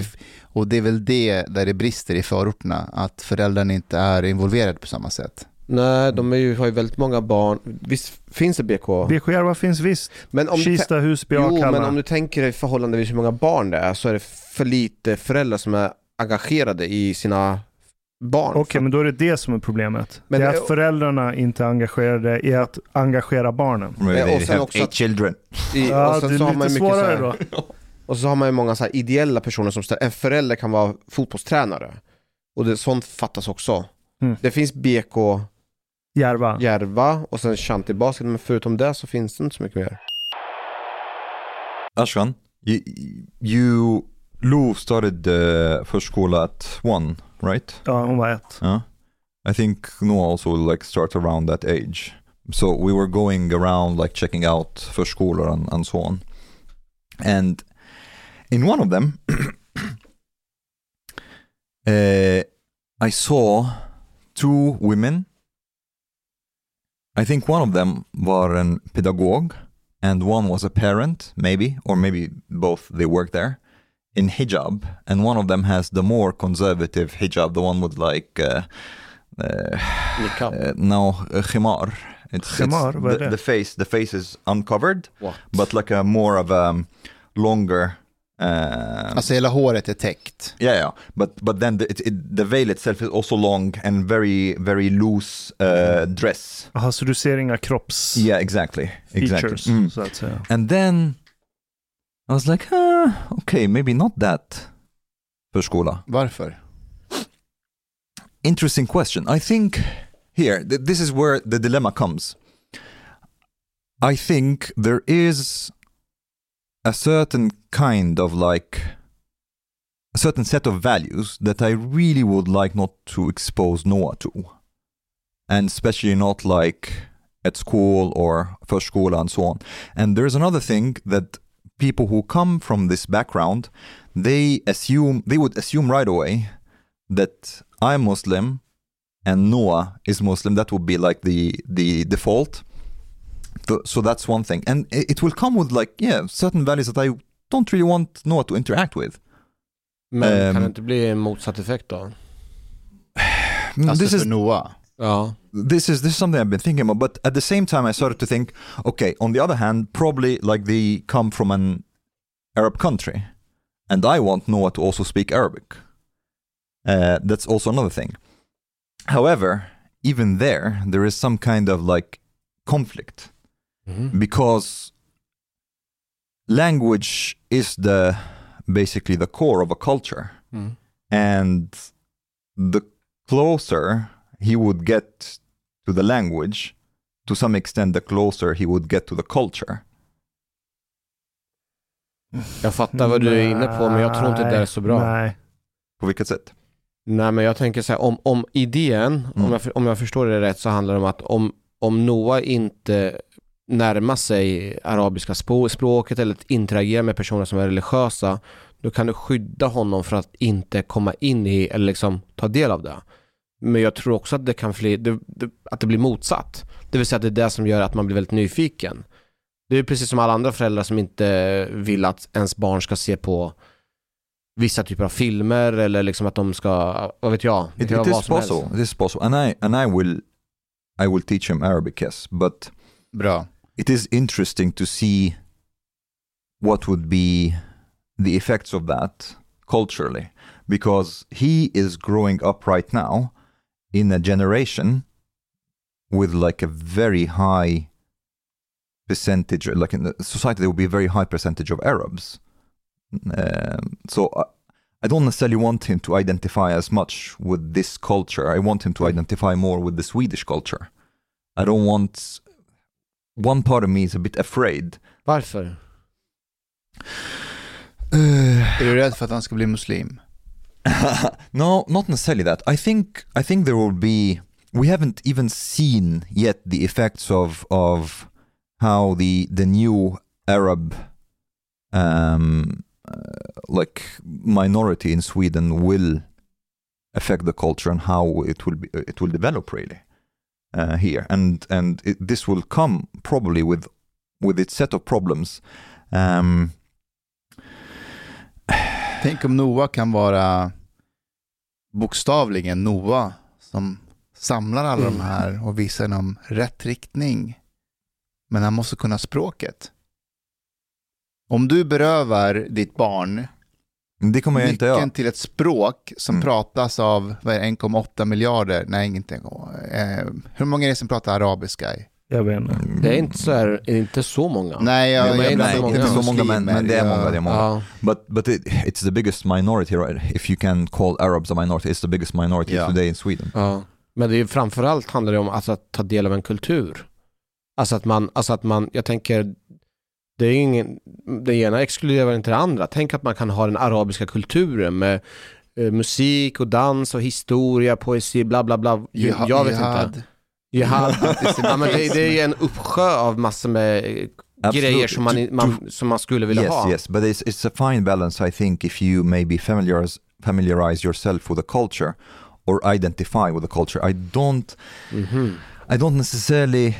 Maybe that's not a very. Um, it's not likely to happen, but one part of me is afraid maybe that he will identify more with Arabs in Sweden.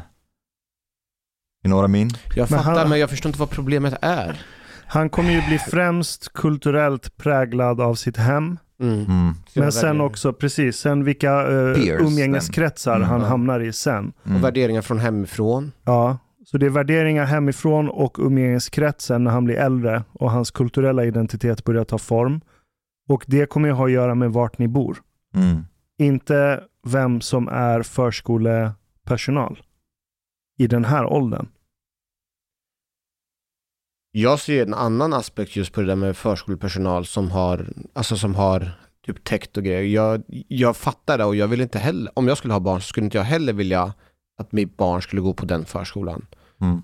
Men inte i form av att att det skulle vara skyddande utan mer att jag, jag vill välja bort religiösa grejer Mm. helt och hållet. Jag vill inte That's- ha någon religiös. That's partly how I think as well. Tänk om hon är världens bästa Det är hon men jag vill inte ha någon jävla äh, jag vill inte ha någon religiös.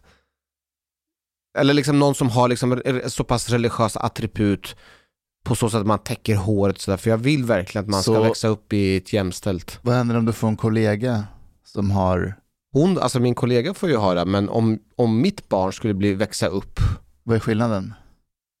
Alltså det handlar ju om att jag har ansvar för mitt barn och man kan tills det, mitt barn är tillräckligt vuxen så kan man guida den i rätt riktning. Medan jag själv med en kollega, då är det en annan sak. Bara min lärare i lågstadiet på Ekerö, hon var djupt troende kristen.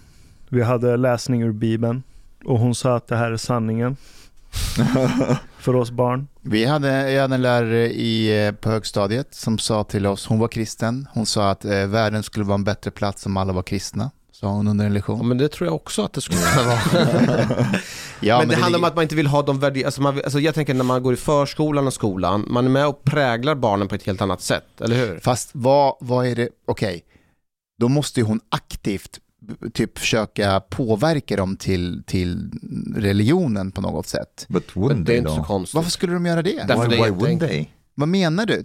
Ge ett exempel på Jag kan. Fröken, fröken, varför har du sån konstig grej på eh, huvudet? Ja, ah, du menar den här sjalen? Ja, ah, varför har du sjal och varför har inte alla andra sjal? Jo, men det handlar om att jag eh, anser att jag ska täcka håret för att jag vill inte bli sedd, att andra män ska se en. Jaha, varför inte det för då? Jo, för att jag tycker att det här är en privat grej som inte an- angår alla andra. Redan där. Varför det? Okej, Det inget det, problem. det är ett jättebra svar. Men jag, alltså, det, det, det? här planterar, det här kan ju det? plantera, det här det planterar ju... Vadå, vill, det hade varit värre om hon sa för att alla andra här är horor. Nej men det är det hon säger indirekt. Yes. Det är det barnen kommer fatta. Yeah, like barnen kommer Det indirekt... kommer det inte an, alls. Barnen anständig, kommer- det är anständiga, exakt- anständiga kvinnor har hijab på sig. Det är exakt så de gör i förorten. inte. Okej, så- så ni tror det är att- så de gör i Ni tror, förorten. att De kom... ungen, ni, tror, ni tror att ungen kommer hem när hon har sagt ja det är en privatsak så kommer hon och bara Omar, pappa Omar, idag sa fröken indirekt att alla är horor. Men det är det de använder i Om, om hon är professionell, om hon är professionell så kommer hon inte alls överföra sin religiösa övertygelse på kidsen. Och skulle något barn, säg när den är fem, då, då kan de ställa sådana frågor. Så här, varför har du en sån där grej på huvudet? Och så säger hon, ja men där jag kommer ifrån så har kvinnor så här. Fast nu bor du i Sverige. Okay, Varför? you, you, are really like Vad är det för rasist? mellowing. you're really mellowing down. Like, uh, okay, but there there can be a scenario where she says because God says so, and this is like how like um, this is how good women should be. Mm. Or What do you think of this answer then? Ja, men okej, d- då, då skulle jag ta en konversation med henne först och säga om barnen frågar dig varför du har sjal, hur skulle du svara på den frågan? Isn't it better if she wasn't there? Ja, exakt. Nej, nej. Du men alltså, slipper nu- det. Det här, det, här är, det här är inte schysst alltså. Nu, Mot nu, vem? Mot barnen? Nej, mot, mot henne. Fan, Varför tänk, om hon är, tänk om hon är, vi måste ge henne en chans. Hon är säkert professionell. Ja, men hon kan vara Hon, professionell. kanske, hon kanske säger min gud säger eh, X och Y. Jaha, så det finns olika gudar skulle barnet säga. Jag trodde det bara fanns ett, en gud. Ja, men hon är hon så pass professionell så hon säger att den guden jag tror på säger så här. Och sen finns det gud som kristna har och gud som eh, judar har och, och så vidare. Och så får jag bara ställa en kontrollfråga. Mm. Hade hon täckt ansiktet eller inte? Nej. Nej. Nej. Det är ju superviktigt att man inte täcker ja, ja. ansiktet. Ja, Där but- går definitivt med men hon hade ju inte fått jobb Varför? på förskolan. Därför att man ser inte mimiken och, och så här, Barn skit... måste se ansiktsuttryck för att kunna lära sig socialisera. Mm. Så om ansiktet täckt, det är no-no. Uh, so, Då so har it du doesn't have to passerat- do so it doesn't have to do with like the grade of conservatism. Jo, exakt det det har att göra med. Yeah, om hon är if- så konservativ att hon täcker ansiktet också, då ska hon inte jobba på But en if she- verksamhet där barnen ska lära sig och tolka känslor och uttryck och Okej, konflikter. men vänta, vänta. Jag, jag förstår dig, Mm. and like this has to do with like communication and the face. Ja. But what if she has the exact same values? Let's say she actually had niqab, but because the it it's like banned because of the the rules, she has to show her face. But otherwise, she has the niqab. So she she's that conservative. Och, och sen så finns det en aspekt till. Det är att hon döljer ansiktet utåt men när hon är med barnen så kan hon visa sitt ansikte. För det gör de ofta. Det är Ja, ju det är sant för utåt sett. Det är när föräldrarna kommer som Right. de tar, täcker sig. Let's say something like this. Nej, men det är Ja, inte okej. vänta nu, det Jag var ska- helt sjukt. Det är så det är! Nej, nej, nej. det- är sant. What, what do you think? Like, yes, they, they are supposed to hide their hair and face from men, basically, not from Så children. när men ens- föräldrar kommer, då tar de på sig Ja. helniqab? Nej, en sån person skulle aldrig jobba på en förskola Nej, i det skulle Sverige. de inte. Det är inte, Varför inte? hallå! Förutom i förorterna som, har, som numera är helt isolerade Ja, enklaver nej, but- från resten av samhället. But, but you're assuming also that this will be the case in the future. Why? Vad menar du in the future? Like when more and more people with this kind of values are like a high percentage of society, why wouldn't they work at förskola? Jo men ska, om du jobbar på en förskola Ja. och har, bara täcker ditt hår. No, uh, here, like around the children, I will reveal my face. Och så länge du i den verksamheten inte täcker ditt ansikte. As, as soon as you come in, I will Då var det när föräldern kommer. Ja, Jaha, nej, nej, nej, nej. varför inte? Jag som förälder ska kunna se alla i ansiktet som interagerar med mitt barn. Ja, det tycker Vill jag du, också vill du täcka ja. ditt hår på en förskola och det är det enda tecknet som avslöjar vilka värderingar du har. Och utöver det så kan du professionellt separera dina värderingar från din roll som eh, förskolepedagog eller vad, det nu, vad du nu än är där. Där kan jag vara fine med det. Men dina värderingar, konservativa värderingar som har med kvinnors sexualitet etc. att göra, ska inte spilla över på kidsen. Nej. But but Håll det guys, you, you are you Mm. are really you are mixing up ought and is right now. I think you you you are out of touch with how people who are extremely religious are. There is no way that a woman who wears niqab. This is this this is not just about Fast her. den här hade ju inte niqab. Yeah, yeah, but if she says like under under uh, uh, she will reveal her face, but Mm. otherwise she will wear the niqab. Mm. Uh, you're thinking that she is really able to like separate between her religion and her life. Vi jag att man måste kan ge göra. henne en chans att kunna göra There is det och no vara way. professionell. Okay, there is no way, or like maybe it's extremely unlikely that a niqabi woman with such degree of conservatism will be able to like separate between her religion and how she basically from from her perspective is teaching the children. Okej, She- hur, gör vi be- med, hur gör vi med personalen Mm, som klär sig som västerlänningar, right. ser ut som västerlänningar, har svenska namn, är etniskt svenska, men trycker på kidsen andra sorters värderingar. Som att det finns inget kön. Och att killar är våldsamma. Killar ska ha kjol på sig på fredagsdiskot. Och tjejerna ska leka med killleksakerna. Fastän det inte finns pojkar och killar så finns det tydligen den I. I thought I Hur thought identifierar vi dem? I thought about that. Okay, here it, it's again, it's not black or white. It's actually good that the hijab and the niqab exist to signal that danger. Like, let's say, if there was some symbol that those people, like those other people, like uh, that think gender, social construction, and so on, have a specific symbol that reveals who they are. I also would not like Nej, them to interact okej, with my children. Fast hur får du annars reda på det? Om de inte har den symbolen.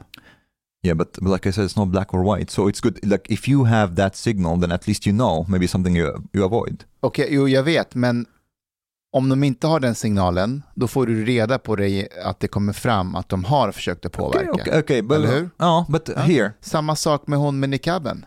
n- no, no, no, it's not the same thing. That an equivalent of it would be like that. I go into like the preschool's website, and they say.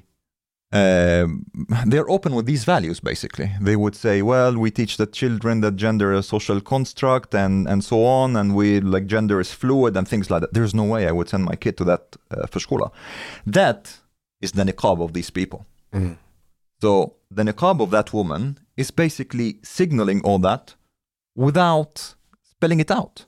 Jag tror att du överskattar vad en person som har en yrkesroll kan åstadkomma hos ditt barn som är väldigt ungt. Och så underskattar du hur stor effekt hemmets kultur och värderingar och umgängeskretsens kultur och värderingar har på det barnet. Jag tänk, E- except if that person is able to have an influence on on my child's peers Vänta, vänta. Except om den that, that's, personen... let's say it's, it's a teacher Ja. that is able to like influence the peers of my child his classmates and so on Mm. in a way that yeah, like some kind of indoctrination Fast jag, jag tänker snarare tvärtom. Jag tänker så här att eh, in, inte att, att, att man ska underskatta det, men om någon har så pass religiösa tankar och idéer, som du säger, ja den personen kommer inte ha eh, påverka så mycket, men den har ju ändå en uppsätt värderingar som en annan personal skulle inte ha. Och den andra, den andra personalen skulle ha andra typer av värderingar som är mer, att man skulle vilja ha mer på, mot sina barn. Mer, Ja. att personalen är mer för jämställdhet, att man, Precis. man pratar om att det är lika mycket värde och så. Och De då är vill jag, flera på arbetsplatsen. Ja, och det är det jag vill, det, det, det, jag vill optimera så att mina barn får fler av den. Om jag vet att någon har den andra negativa värderingen, då vill jag utesluta Men den det finns. förhoppningsvis så följer ju de de policies som finns på den arbetsplatsen och har en, so naive man. och har en so- Nej men det De måste de ha om de har utbildade. För de Ja, men Omar, då måste ju hon i hemlighet när de andra förskollärarna inte är närvarande bara indoktrinera barnen. okej. om inte den islamistiska would- du låter skolan. Okay. No, no, no, no, konspiratoriskt. no, no, not at all. I, I will, I, I'm saying you are so naive, and I will tell you why. There, I have a friend. Uh, she she comes from uh, Syria slash Palestine, and she um, I can't remember the area in Malmö. She she grew up in Malmö basically, in not a religiös friskola, a a normal school, but basically it's a very segregated area. So all the teachers basically were Arabs and the classmates. And the, she, she wrote an article about that i- på uh, Sydsvenskan. Uh, the teachers refused to teach evolutionary theory. And in the end, like they came and told them like this, you know what, according to the rules, we just have to teach you that, but we all know this is not true. And and the thing is, and this sounds like conspiracy, but it is true. And and Yeah. it's like it's difficult to know if like if you are in an area, especially segregated area, it's very difficult to keep control, especially if it, becomes a bit like a sect. If everyone in the school is in on it. Ja. Men det är exakt, det är en hel skola.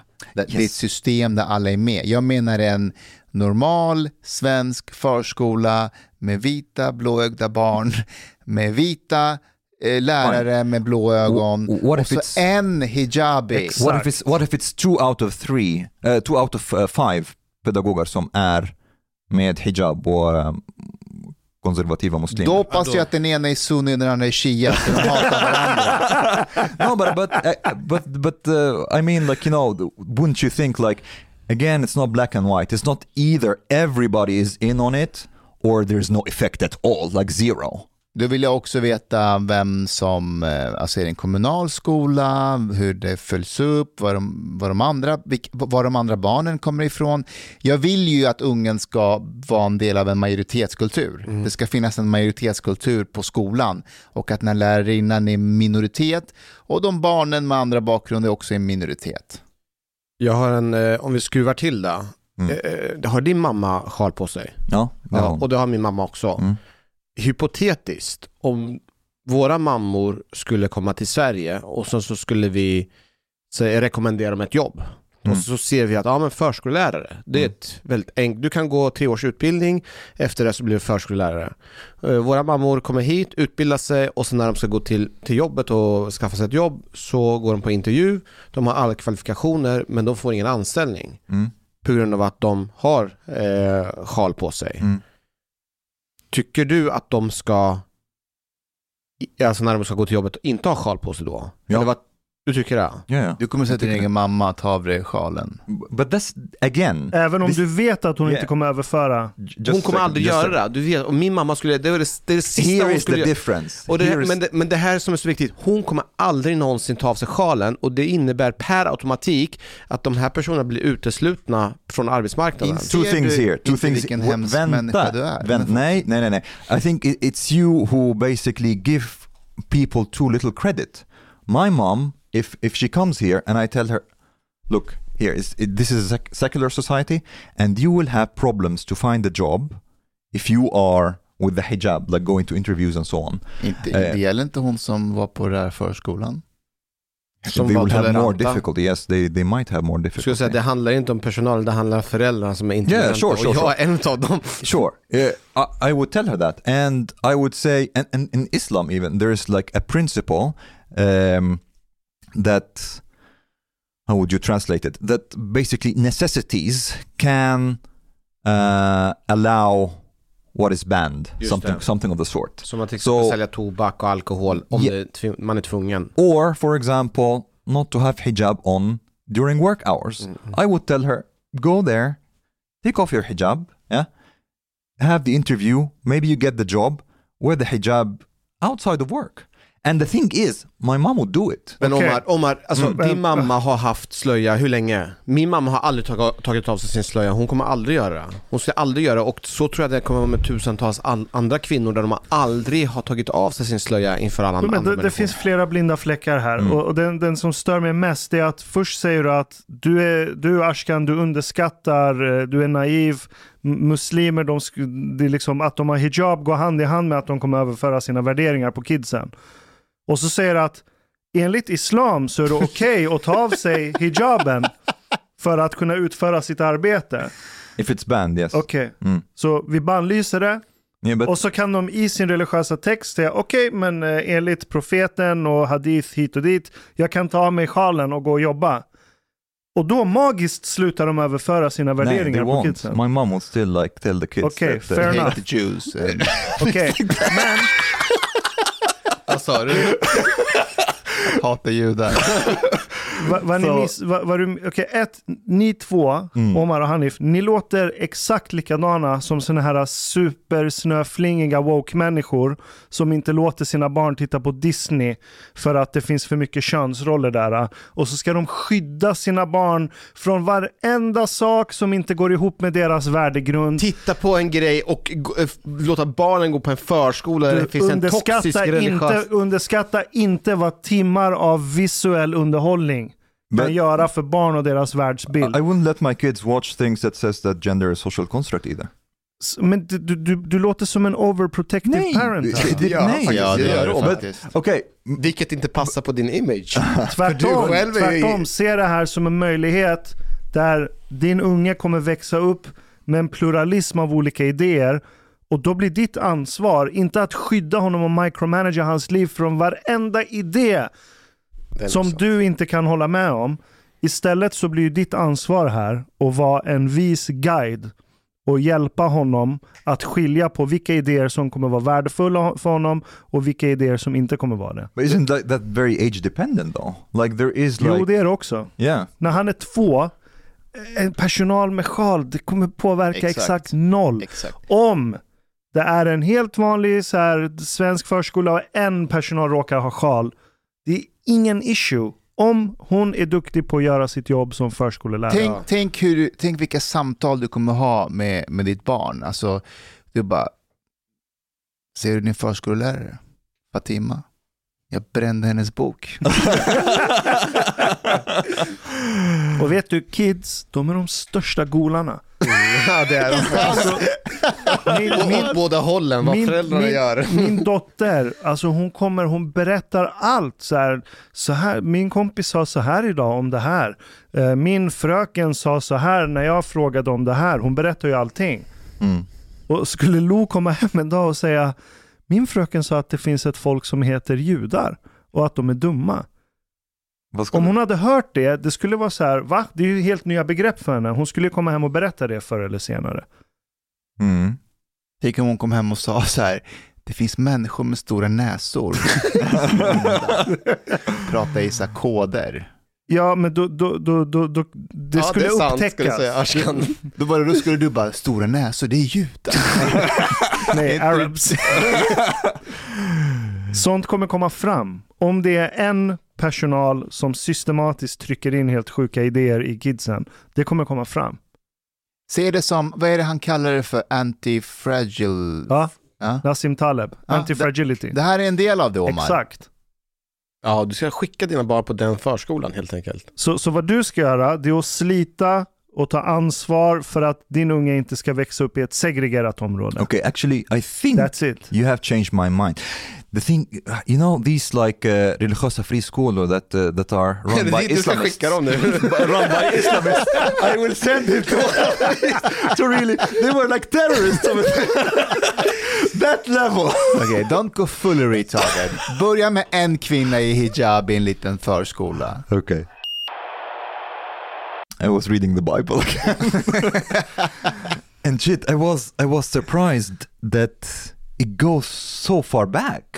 Antisemitismen. Oh, there was this um, part where the where, where Jacob's father and and his brothers came to Egypt, and they they dropped it casually that they ate separately because it's an abomination for Egyptians to eat with the Hebrews. Mhm. I was like, it's like fucking thousands of years ago. And then it seems, it seems, it's possible that anti-Semitism originated in Egypt. And basically the Greeks took it from ancient Egypt and spread it. Grekerna. Ja. Men varför var de antisemiter? De var socialdemokrater. This actually I don't really know, but they were also like uh, the story of Moses, like the the Jews were enslaved in Egypt. Ja, ja. Ja. Det var väl bara, var, det inte, var inte de slavar allihopa, judarna? De som byggde pyramiden, eller inbillade mig det. Ja, jud- nej. Nej men att judarna var slavarna i Egypten. Ja, ja. Perserna var- befriade ju judarna och slavarna. Men hur, hur Ja. förklarar man det här hatet mot judarna? Actually, th- that's interesting. Är det Nej. beundran eller är det någonting annat? Vad sa du? För det är många, eh, en teori är ju att, det är att man beundrar judarna som antisemiten uppstår. Och då är frågan ifall det är bara beundran. Jag didn't vad det är för något. But uh, they, they were generally spe- like Babylon went to war with the kingdom of Judah. Like everyone uh, was. I think maybe because they tried to claim land, perhaps. Maybe. No idea. Mm. But it looks like uh, Egypt is uh, is uh, guilty of the original sin when it comes to anti-Semitism. Kan det Tänk- inte vara att de bara har av ren brutal otur varit den perfekta syndabocken genom historien? Av otur. Ja, alltså att det, Att det har är varit slumpmässigt. Det, ja, alltså det är ju extrem otur att ha blivit alla folkgruppers syndabock. Det är extrem otur. Vad är Det det man det brukar säga, hata slumpen? Vad fan, hur troligt är det? Ja, men alla samhällen, vare sig man tycker om det eller inte, beh- behöver syndabockar. Det är ju en mekanism för att ventilera ut kaos. Du behöver rikta kaoset mot någon. Och alla samhällen har det, även idag i modernt samhälle. Så riktar man ut det mot allt möjligt. Knarkare, prostituerade. Du har alltid någon grupp i folket du kan bara trampa och spotta på. Och avhumanisera. Mm. Och skylla alla problem på. Mm. Och kan det inte vara att just judarna uppfyllde det kriteriet? För att syndabocken får ofta, för att det ska vara effektivt, så får syndabocken inte vara en loser. Det måste vara någon som har en viktig och hög position och har makt. Mm. Annars kan du inte förklara kaoset i samhället på den. Till exempel idag med eh, coronapandemin. Så tycker jag att det började bildas en sorts syndabocksfenomen. Okej. Där man tittade på ovaccinerade. Som så här smutsiga och äckliga. Och de, eh, De tog inte de, ansvar. de tar inte ansvar, de är en fara för Ja. samhället. Men de ovaccinerade, det är också helt vanliga människor som har jobb. Och vissa av dem sitter på höga poster. Jo, Ja. de- Ja men alltså det kunde ju vara alla möjliga som är ovaccinerade. Menar du att de ovaccinerade var de nya judarna? Ja men det är så sådana, det är så, jag säger inte att de är de nya judarna men det är så skulle inte sådana ens här, komma in i vissa restauranger ja men ja exakt. om de inte Ser du? hade rätt judisk pass? Exakt, precis. Så det är ju Som så var- sådana här fenomen uppstår. Det är när det blir kaos i ett samhälle, samhället anser sig vara under något stort externt hot. Och för att komma ur det här kaoset och få någon känsla av ordning så behöver du en syndabock som du typ hugger huvudet av på torget eller kickar ut bakom stadens murar. Och sen kan befolkningen andas ut. Jag säger inte att det här är en frisk, nice grej. Jag säger bara att historiskt sett så har alla samhällen haft någon sorts syndabocksprocess. Häxbränningarna var samma grej. Men i till exempel antikens Grekland, när du skulle ha en syndabocksritual efter någon så här period av turbulens och du skulle få folket att lugna ner sig. Då tog man ju inte en uteliggare och högg huvudet av den. För att då känns det inte som att du har straffat någon som har haft makt. Utan du tog en uteliggare, du tog en nobody. Och så tog du in den i hovet. Och så matade du den så att den blev lite mullig, du tvättade den, du satte på den lite fina kläder. Så du klädde upp den som en kung. Sen drog du ut den på gatorna och skrev någon berättelse om att den här personen har gjort det här och det här. Den ligger till grund för allt som ni har upplevt de senaste månaderna.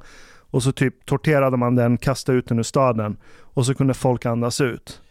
Dan Eliasson pratar du om. Så gör de exakt med honom. De tog in honom, Mata Mm. honom. han har blivit matad sedan tidigare. Och sen så var han symbolen utåt. Alla kunde, alla kunde liksom rikta kritik. Mm. Sen när det var största kaosen med polisorganisationen var över, då slaktade de honom. Ja, och det är ju en sorts syndabocksprocess på Ja. mikronivå. Så, Och det, det, det har väl alla samhällsgrupper, eller grupperingar i samhället. mm. Där du behöver skylla allting på en person. Och så offentligt hugger du huvudet av den. Mm. Antingen bokstavligt eller symboliskt. Mm. Och sen kan du gå vidare. Det kallades för farmakos i antika Grekland. Pharmakos. Farmakos, den Ja, processen. Ja. Ehm, och den finns med överallt. Typ eh, Joe Rogan. Mm. När det här sista stora drevet började mot honom. När han, hade haft, när han hade haft två gäster som var kritiska till vaccin och sådana såna grejer. Det var ju vad jag ser det som. Påbörjandet av en sån process. Du tar en snubbe som är... Vad sa du? It didn't succeed. Nej, det gjorde de inte och jag tror det aldrig kommer funka i väst med syndabocksprocessen för det kommer aldrig rinna blod. Vi har ju rätt system som hindrar folk från det. Metoo var en sån stor process. Mm. Där du kollektivt försökte bygga en symbol av mannen som orsaken till all ondska. Och så släpper man ut man efter man efter man. Och så högg man huvudet av den symboliskt Mm. På offentlighetens altare. That worked. Nej, det gjorde inte det. För blod rann aldrig på black, riktigt. But it destroyed like several men's lives. Det gjorde det. Det gjorde det. Men det var inte som att folk lugnade ner sig. No. Häxjakten på män fortsätter ju fortfarande. Den, den, den har bara ändrat form. Men, men man skulle inte kunna säga att metoo har varit en succé. Nej, det har inte varit en succé. Det, fick, det fick en backlash. Det fick en brutal backlash. Och, och, och jakten på Joe Rogan har inte heller varit en succé. Och, och jag skulle säga att inga av de här jakterna har varit en succé. Det, det kan inte vara så att de har gått för långt. Alltså de försökte för hårt, var för extrema. Och sen så, jag tänkte på framförallt på metoo. Mm. Men det var en syndabocksprocess. Rakt av. Men okej, tillbaks till antisemitism. Kan det vara så att judarna bara haft mest otur av varenda jävla folkgrupp på den här planeten? Som har fått vara syndabocken i alla civilisationer och samhällen den har varit en del av. That could be, especially if you establish the narrative that this is the scapegoat. Mm. Uh, För, för de har ju inte varit längst ner i hierarkin rent statusmässigt eller materiellt hela tiden. Nej. För deras kultur har ju kunnat motstå varenda försök till att utrota dem. Så har Mm. de alltid lyckats. Yeah, they klara sig. at some point. Exakt. Alltså en sak som jag tänkte väldigt mycket på som Chang har väl pratat mycket om det är ju att eh, många svenskar väljer att lämna Sverige för att de har fått nog. Man, Och- is this true? Exakt. Is Och jag har tänkt ex- på samma sätt. Det här är inte så troligt. Det är inte så stort problem. Det är inte så många som lämnar Sverige. Jews I know that they are leaving. Judarna lämnar, men Ja. också som de jag träffade nu när jag var i Kroatien. Ja. Så är det ju två bröder. Okej. Båda två är eh, svenskar. Men de är ta mig fan de mest osvenskaste människor jag någonsin träffat. Okej. De öppnar upp sitt hem så jag kan komma dit och bo. Eh, och de är jättegenerösa med allting. Men båda två är väldigt, väldigt framgångsrika företagare som har tröttnat på allting som Sverige står för. Eh, de har flera företag, bygger bolag och de har bestämt sig att de inte vill vara med och stödja den verksamhet som finns i Sverige kopplat till politiken. De hatar allting som Socialdemokraterna står för och därför så har de valt att ta sina företag och allting och lämna Sverige helt och hållet. Och nu, nu, nu tror inte jag att det är bara de här utan det visar sig att det är fler och fler personer även i Kroatien men även runt om i hela Europa där är många svenskar och det är inte vilka svenskar som helst. Utan det är ju framgångsrika svenskar som har stort kapital. Men jag tänker, har inte det alltid varit rätt vanligt för företagare att de har lämnat Sverige Jo. av skatteskäl och andra anledningar? Det är det här som är min fundering. Det har ju alltid varit vanligt, men frågan är, börjar det bli vanligare nu när det är en, alltså att man börjar uppleva en sån extremitet? Well, there are numbers. Han you can look at the migration rate. Han berättar ju om att det, en av killarna, de här papporna, han, hans son hade blivit, jag tror det var antingen ena sonen eller så var det sammanlagt deras barn då, som vid tre tillfällen hade blivit eh, knivrånade eller hotade med kniv. Ja, det tycker jag är mer intressant. Alltså hur många svenskar, vanliga sve- svenskar som, som lämnar Sverige av att bara, det, det är för otryggt. Ja, Det, det är mer intressant än... och, och de pratar om att de har satt sina barn i skolorna i Portugal och det är mycket mer ordning och reda, det är struktur. Och vill de ha någonting så får de med en gång. De behöver inte vänta på köer för att liksom få sjukvård och grejer. Men jag, jag är själv kluven inför hur, hur, hur stor andel det här är med utlandssvenskar. Alltså det finns en undersökning, enkätundersökning, eh, från 2017 med tusen svenska företagare som svarade. Mm. Mm. Och då övervägde var femte att lämna Sverige. Av diverse skäl. Eh, ökad eh, vad heter det, osäkerhet i samhället, otrygghet. Eh, det är svårt att, jag vet inte om det är just den anledningen bakom den här undersökningen, men jag har sett andra undersökningar. Där det är företagare som, de har svårt att rekrytera personal för Mm. att personalen har svårt att hitta boende i Sverige. Det är ett av problemen. Höga skatter med arbetsgivaravgift och sånt, det är en annan orsak. Otrygghet i olika orter där du väl kan hitta boende gör att folk inte vågar bosätta sig där. Eh, så det är en kombo av olika saker, men otryggheten är en av dem. Bostadsbristen är en annan. Mm. Och båda kan väl härledas till socialdemokrati till viss mån i alla fall. Fucking taxes. Alltså skatter är sjukt. Jag tror inte folk fattar Nej. hur mycket skatt du betalar som företagare i det här landet. För de flesta som är lönearbetare, de ser ju på sin lönecheck att de har betalat ja, men typ 27 eller 30% kommunalskatt. Mm. Vad de inte ser det är att din arbetsgivare har också betalat en arbetsgivaravgift som är ungefär lika stor som det du betalar i skatt. Så arbetsgivaren betalar dubbla beloppet Mm. till staten. Du ser bara ena halvan av det beloppet Mm. och tänker vadå 30% skatt, det är väl inte så farligt med all välfärd och gratis skola och universitet vi får. Fine, men prova att starta ett AB. Att när du ska betala ut 30 000 till en anställd innan skatt så har du också betalat typ 15 000 till till staten i det som kallas för arbetsgivaravgift. Och ju mer lön du ska betala ut till din anställda desto mer arbetsgivaravgift ryker också. Så i slutändan som företagare Även om du är enmansföretagare, du behåller typ 40% av det du har genererat. 60% går till staten. Mm. Och då krävs det inte många klavertramp eller sjuka policies från staten för att du ska lacka. Jag tror att din tolerans för hur ansvarslös staten är med dina skattepengar, den är mycket högre om du bara hade förlorat säg 15% av din inkomst. Men när du förlorat 60% Mm. Av värdet du har skapat. 60%! Och så ser du att staten satsar på genusutbildning och genuskonst och skickar bistånd till länder som liksom eh, försörjer antisemitism och försörjer terrorism. Din tolerans blir mycket lägre än Right. 60%. Så jag är förvånad varför inte fler har lämnat.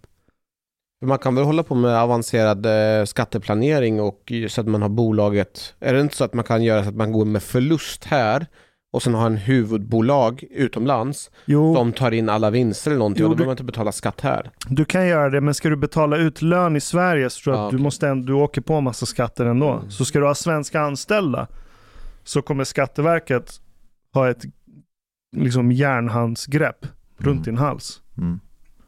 Yeah, and uh, that's like the migration out of the country. But did you see this article in Focus about uh, that maybe this year will be migration record?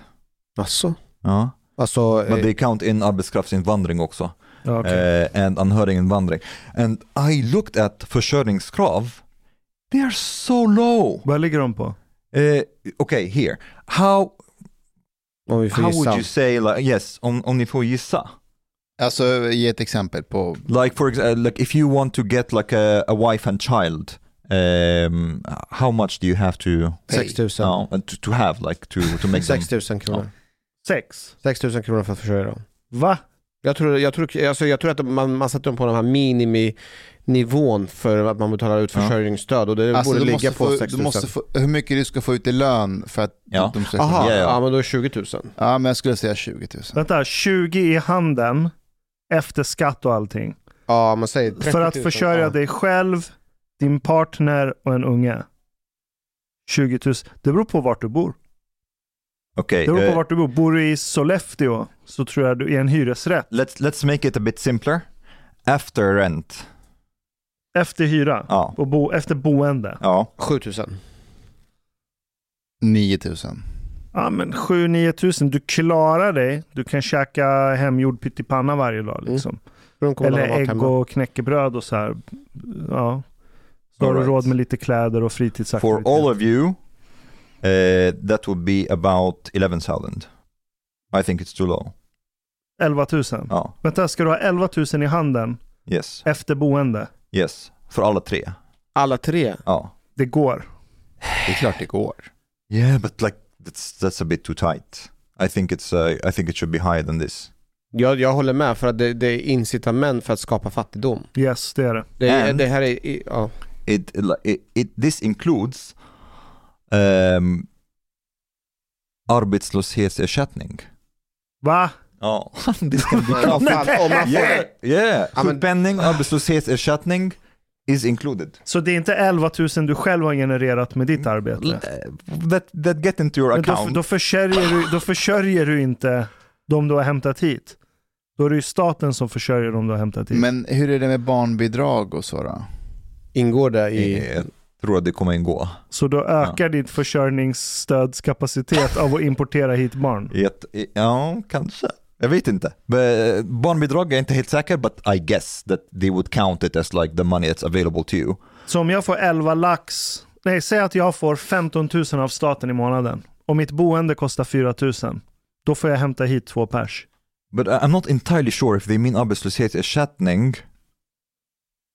Like a-kassan sån? Nej, I don't know. Nej, jag tycker du ska ha fast anställning. Yes, I think definitely you should have a job. Eller ha ett eget företag. Du, ja, Yeah, ja, yeah, ja, ja, visst. Något yeah. som genererar, du genererar din Yes, egen lön. Yes. Du ska inte ha bostadsbidrag, du ska inte gå på något bidrag. Nej. Som min frisör, han, han jobbar ju 24 timmar om dy- nästan. Han, han jobbar sex dagar i veckan och hans mål är att försöka få hit hans fru och barn från eh, Eritrea. Och han har startat eget företag, han har anställda som han eh, typ har gett jobb till och han jobbar stenhårt för att kunna få in så pass mycket inkomst för att kunna ha möjlighet att ta hit dem. Ja, så om Jag man knegar och drar Ja, in cash, Jag tycker det är rätt. då. good for you. Ja, Det kommer nog gå bra för dem, den ja, ja. ungen. För då har man en förebild ja, också, en pappa som går till jobbet. Exakt. and what do you think about unqualified arbetskraftsinvandring? Do you think it's should be banned or not? Alltså att du kan hämta hit städare. Ja. vi. Det tycker jag inte ska finnas. Alltså varför? Det är som de här Foodora-människorna. Eller min Bolt-taxichaufför. Är som- de här som arbetskrafts... De är ju mm, pakistanier eller något så här. De är pakistanier, in, indier eller någonting. De är ju... Ja, de kan ju inte vara här olagligt. Nej, de har kommit hit arbetskraftsinvandring och de sliter häcken av sig. I think also like the mm, I can't remember exactly what is the minimum uh, learn, but I think it was something super low. I think it was 13,000 if I'm not mistaken. Efter skatt. Nej, Men, men så här, om man, before, om, man I think. tar in, om man tar in någon arbetskrafts eh, som ska baka pizza hos oss eller städa vår restaurang, varför det?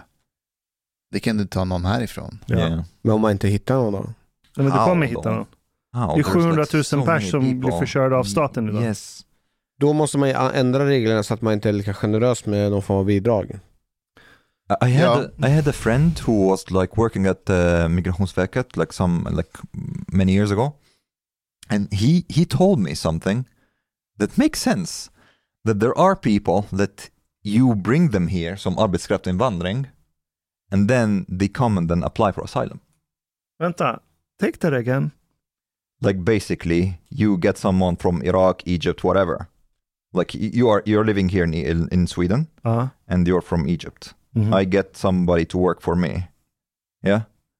And then they come here, they apply for asylum. Men ja, det är ju det det har handlat om. När, när, när de tar hit någon som ska städa i min pizzeria eller baka mina pizzor, det, de tar ju hit dem för att de ska söka asyl. Det är ju deras släktingar och vänner. Alltså mina, mina libertarianska Mina libertarianska ådror har så många proppar just nu. Jag, kan inte ens, jag skulle inte kunna spräcka dem med en luftballong. True story. Sverige har misskötts så jävla länge att vi måste börja micromanagera varenda inflöde av människor in till landet.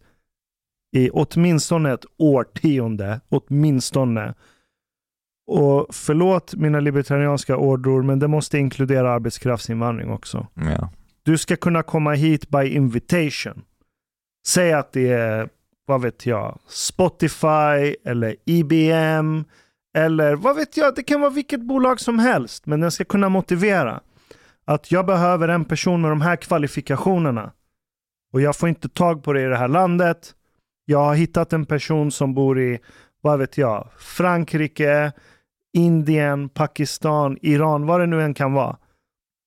Eh, den vill vi rekrytera. Den har IQ på 130 minst. Jag vill inte gå in på IQ. Okej då. But a specific ett level of, of uh, salary per, perhaps that because this this reflects also like competence. You know? Ja, Exakt. Because if you're saying like uh, I will pay him 13,000 a month, it's like Då Exakt. kunde du förmodligen hittat den här. Exakt. Yes. Mm. Och eh, nu kastar jag på känsla ut ett belopp om, säg 30 000 kronor i månaden. sounds uh, sounds fair. Something like this. Med lite flexibilitet. Om det är en skill. No, no, no flexibility. Just 30,000, that's it. Hej podej, minwen. Lisna po mejnu. Du emiket fin menisza. Du harbeta lat biliet po klubzista moltit. En miket fin radioprogram i sferie. Tak ware dejso ardiet mojlikt for grabarna at trzopa kafe late ute potoriet. Betalar kningar. Szopa blut pudding til familien. Oka Tunnelbana. Elerdrika en Kal Norlandsgult Pouteserviering, Ibland. Dit bidrak jorgra grabarna miket glada. Dit stot jorzista moltit moilik, helt enkelt. Tak, minwen.